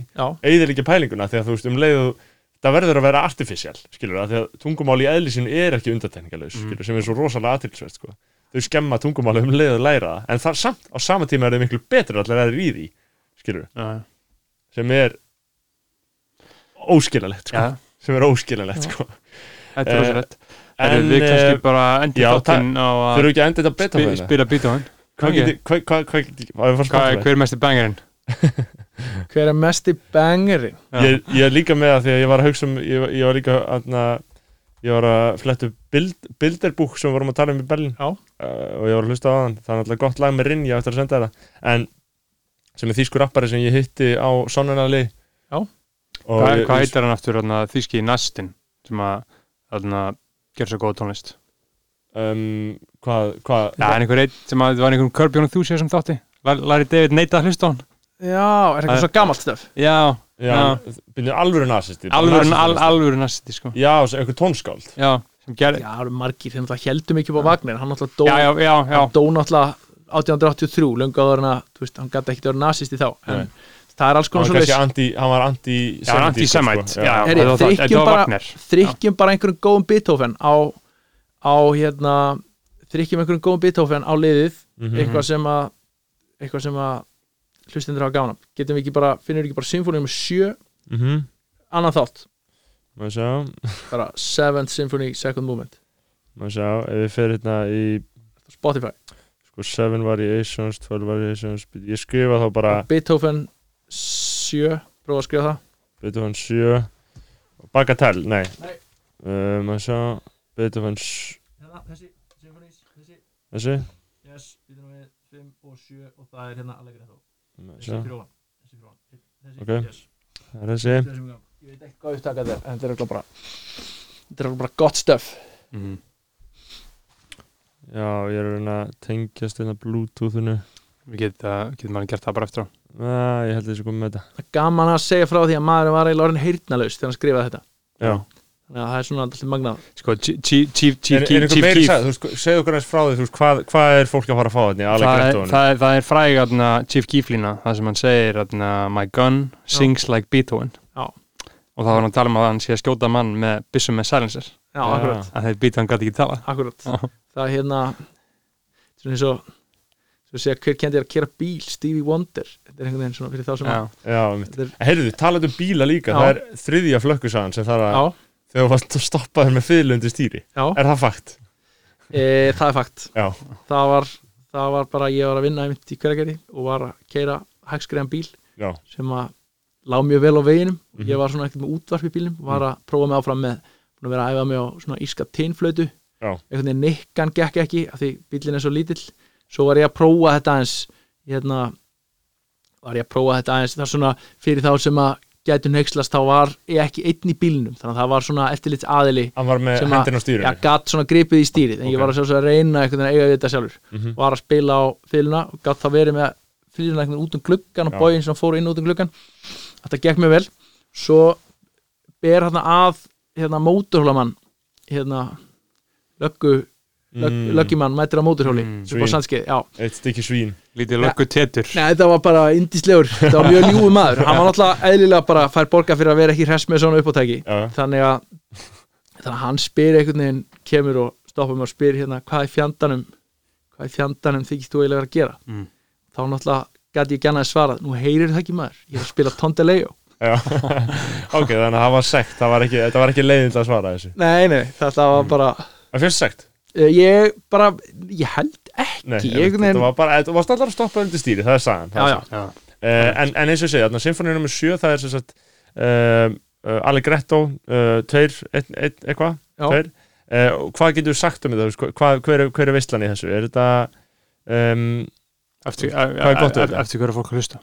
Veistlega þetta er bara pínlítið eins og horfa á landslag eða horfa á skí, horfa á eitthvað, þetta getur verið hvað sem er, þetta er einhvern veginn það er ekkit beinist konkrétt sem að nei, það er ekkit ákveð, þetta er ekki skiljiði, þetta er ekki þetta er ekki hérna þetta er ekki eitthvað ákveð sem hann lýsa, hann er bara þetta er bara ákveðin tilfinning og fólk getur bara hlusta á þetta alveg eins og hlustar á eitthvað annað, en það er ákveðin frásögnar, ákveðin saga sem að fólk getur reynd að gera sér hölund, fólk Mhm. getur þú veist, þetta er bara eins og þú velur að horfa á eitthvað, ég veit ekki, abstrakt málverk eða eitthvað, skiljiði mig, þú Mhm. sérði eitthvað út úr því og svo bara spinnur þú söguna sjálfur, þú bara hlustar, þú heyrir eitthvað stef heyrir hana, til dæmis bara ákveðin rithma sem bara gengur aftur, bara eins og í poplægi svo breytast hljómanir og rithmin er alltaf svo sami, svo kemur hluturinn aftur en það er eitthvað sem er svo mikil líkil atrið alltaf í allir tónlist, er eitthvað þegar hlutur einhver hlutur er endutekin, þá heyrir hann aftur þá er hann ekki sami hluturinn, þú er búin að heyra hann áður þú ert með einhverja vendingar og svo einhvern veginn er svo mikil sögn í því hvort þú endutekur hlutin nákvæmlega eins eða hvort þú ferð út af sporinu, leikur þig með vendingar og svo framvegis. Og hann gerir það sífælt í gegnum þetta. Svo kemur kannski eitthvað allt annað við fyrir einhvern annan heim við heyrum, ég get svo sem líst í sem að gerist einhvern veginn, við heyrum eitthvað, eitthvað ákveðin frekar einfaldan rytma sem er bara nánast eins og í ykkur tómentastofu, bara í grunnskóla með einfaldan rytmi, með einfaldan hljóma sem er samt einhvern veginn svo stór af því það er svo mikið meining í þessu, þetta byrja veikt svo vex þetta og stækkar svo kemur melódía sem svífur hún á þessu mús, sama músikin heldur áfram undir, svo svo allt í einu er eins og bara dræði ský frá sólu, við förum einhverja alltaf aðra stemmingu, blásararnir fara að spila taka alhutverkið, það kemur alltaf annað rithmi, einhver meira eins og einhver svona ruggandi Mm. einhver svona indislega sveita stemming við erum í henni, svo förum við aftur í hinna, sem er einhver, ég veit ekki svona ljúfsár, þingsl einhver von, þetta er svo marga tilfinningar. Fólk heyrir þetta bara, en, maður, en það þýðir ekkit sko, það þýðir ekkit að hlusta á þetta og vera að smyrja sér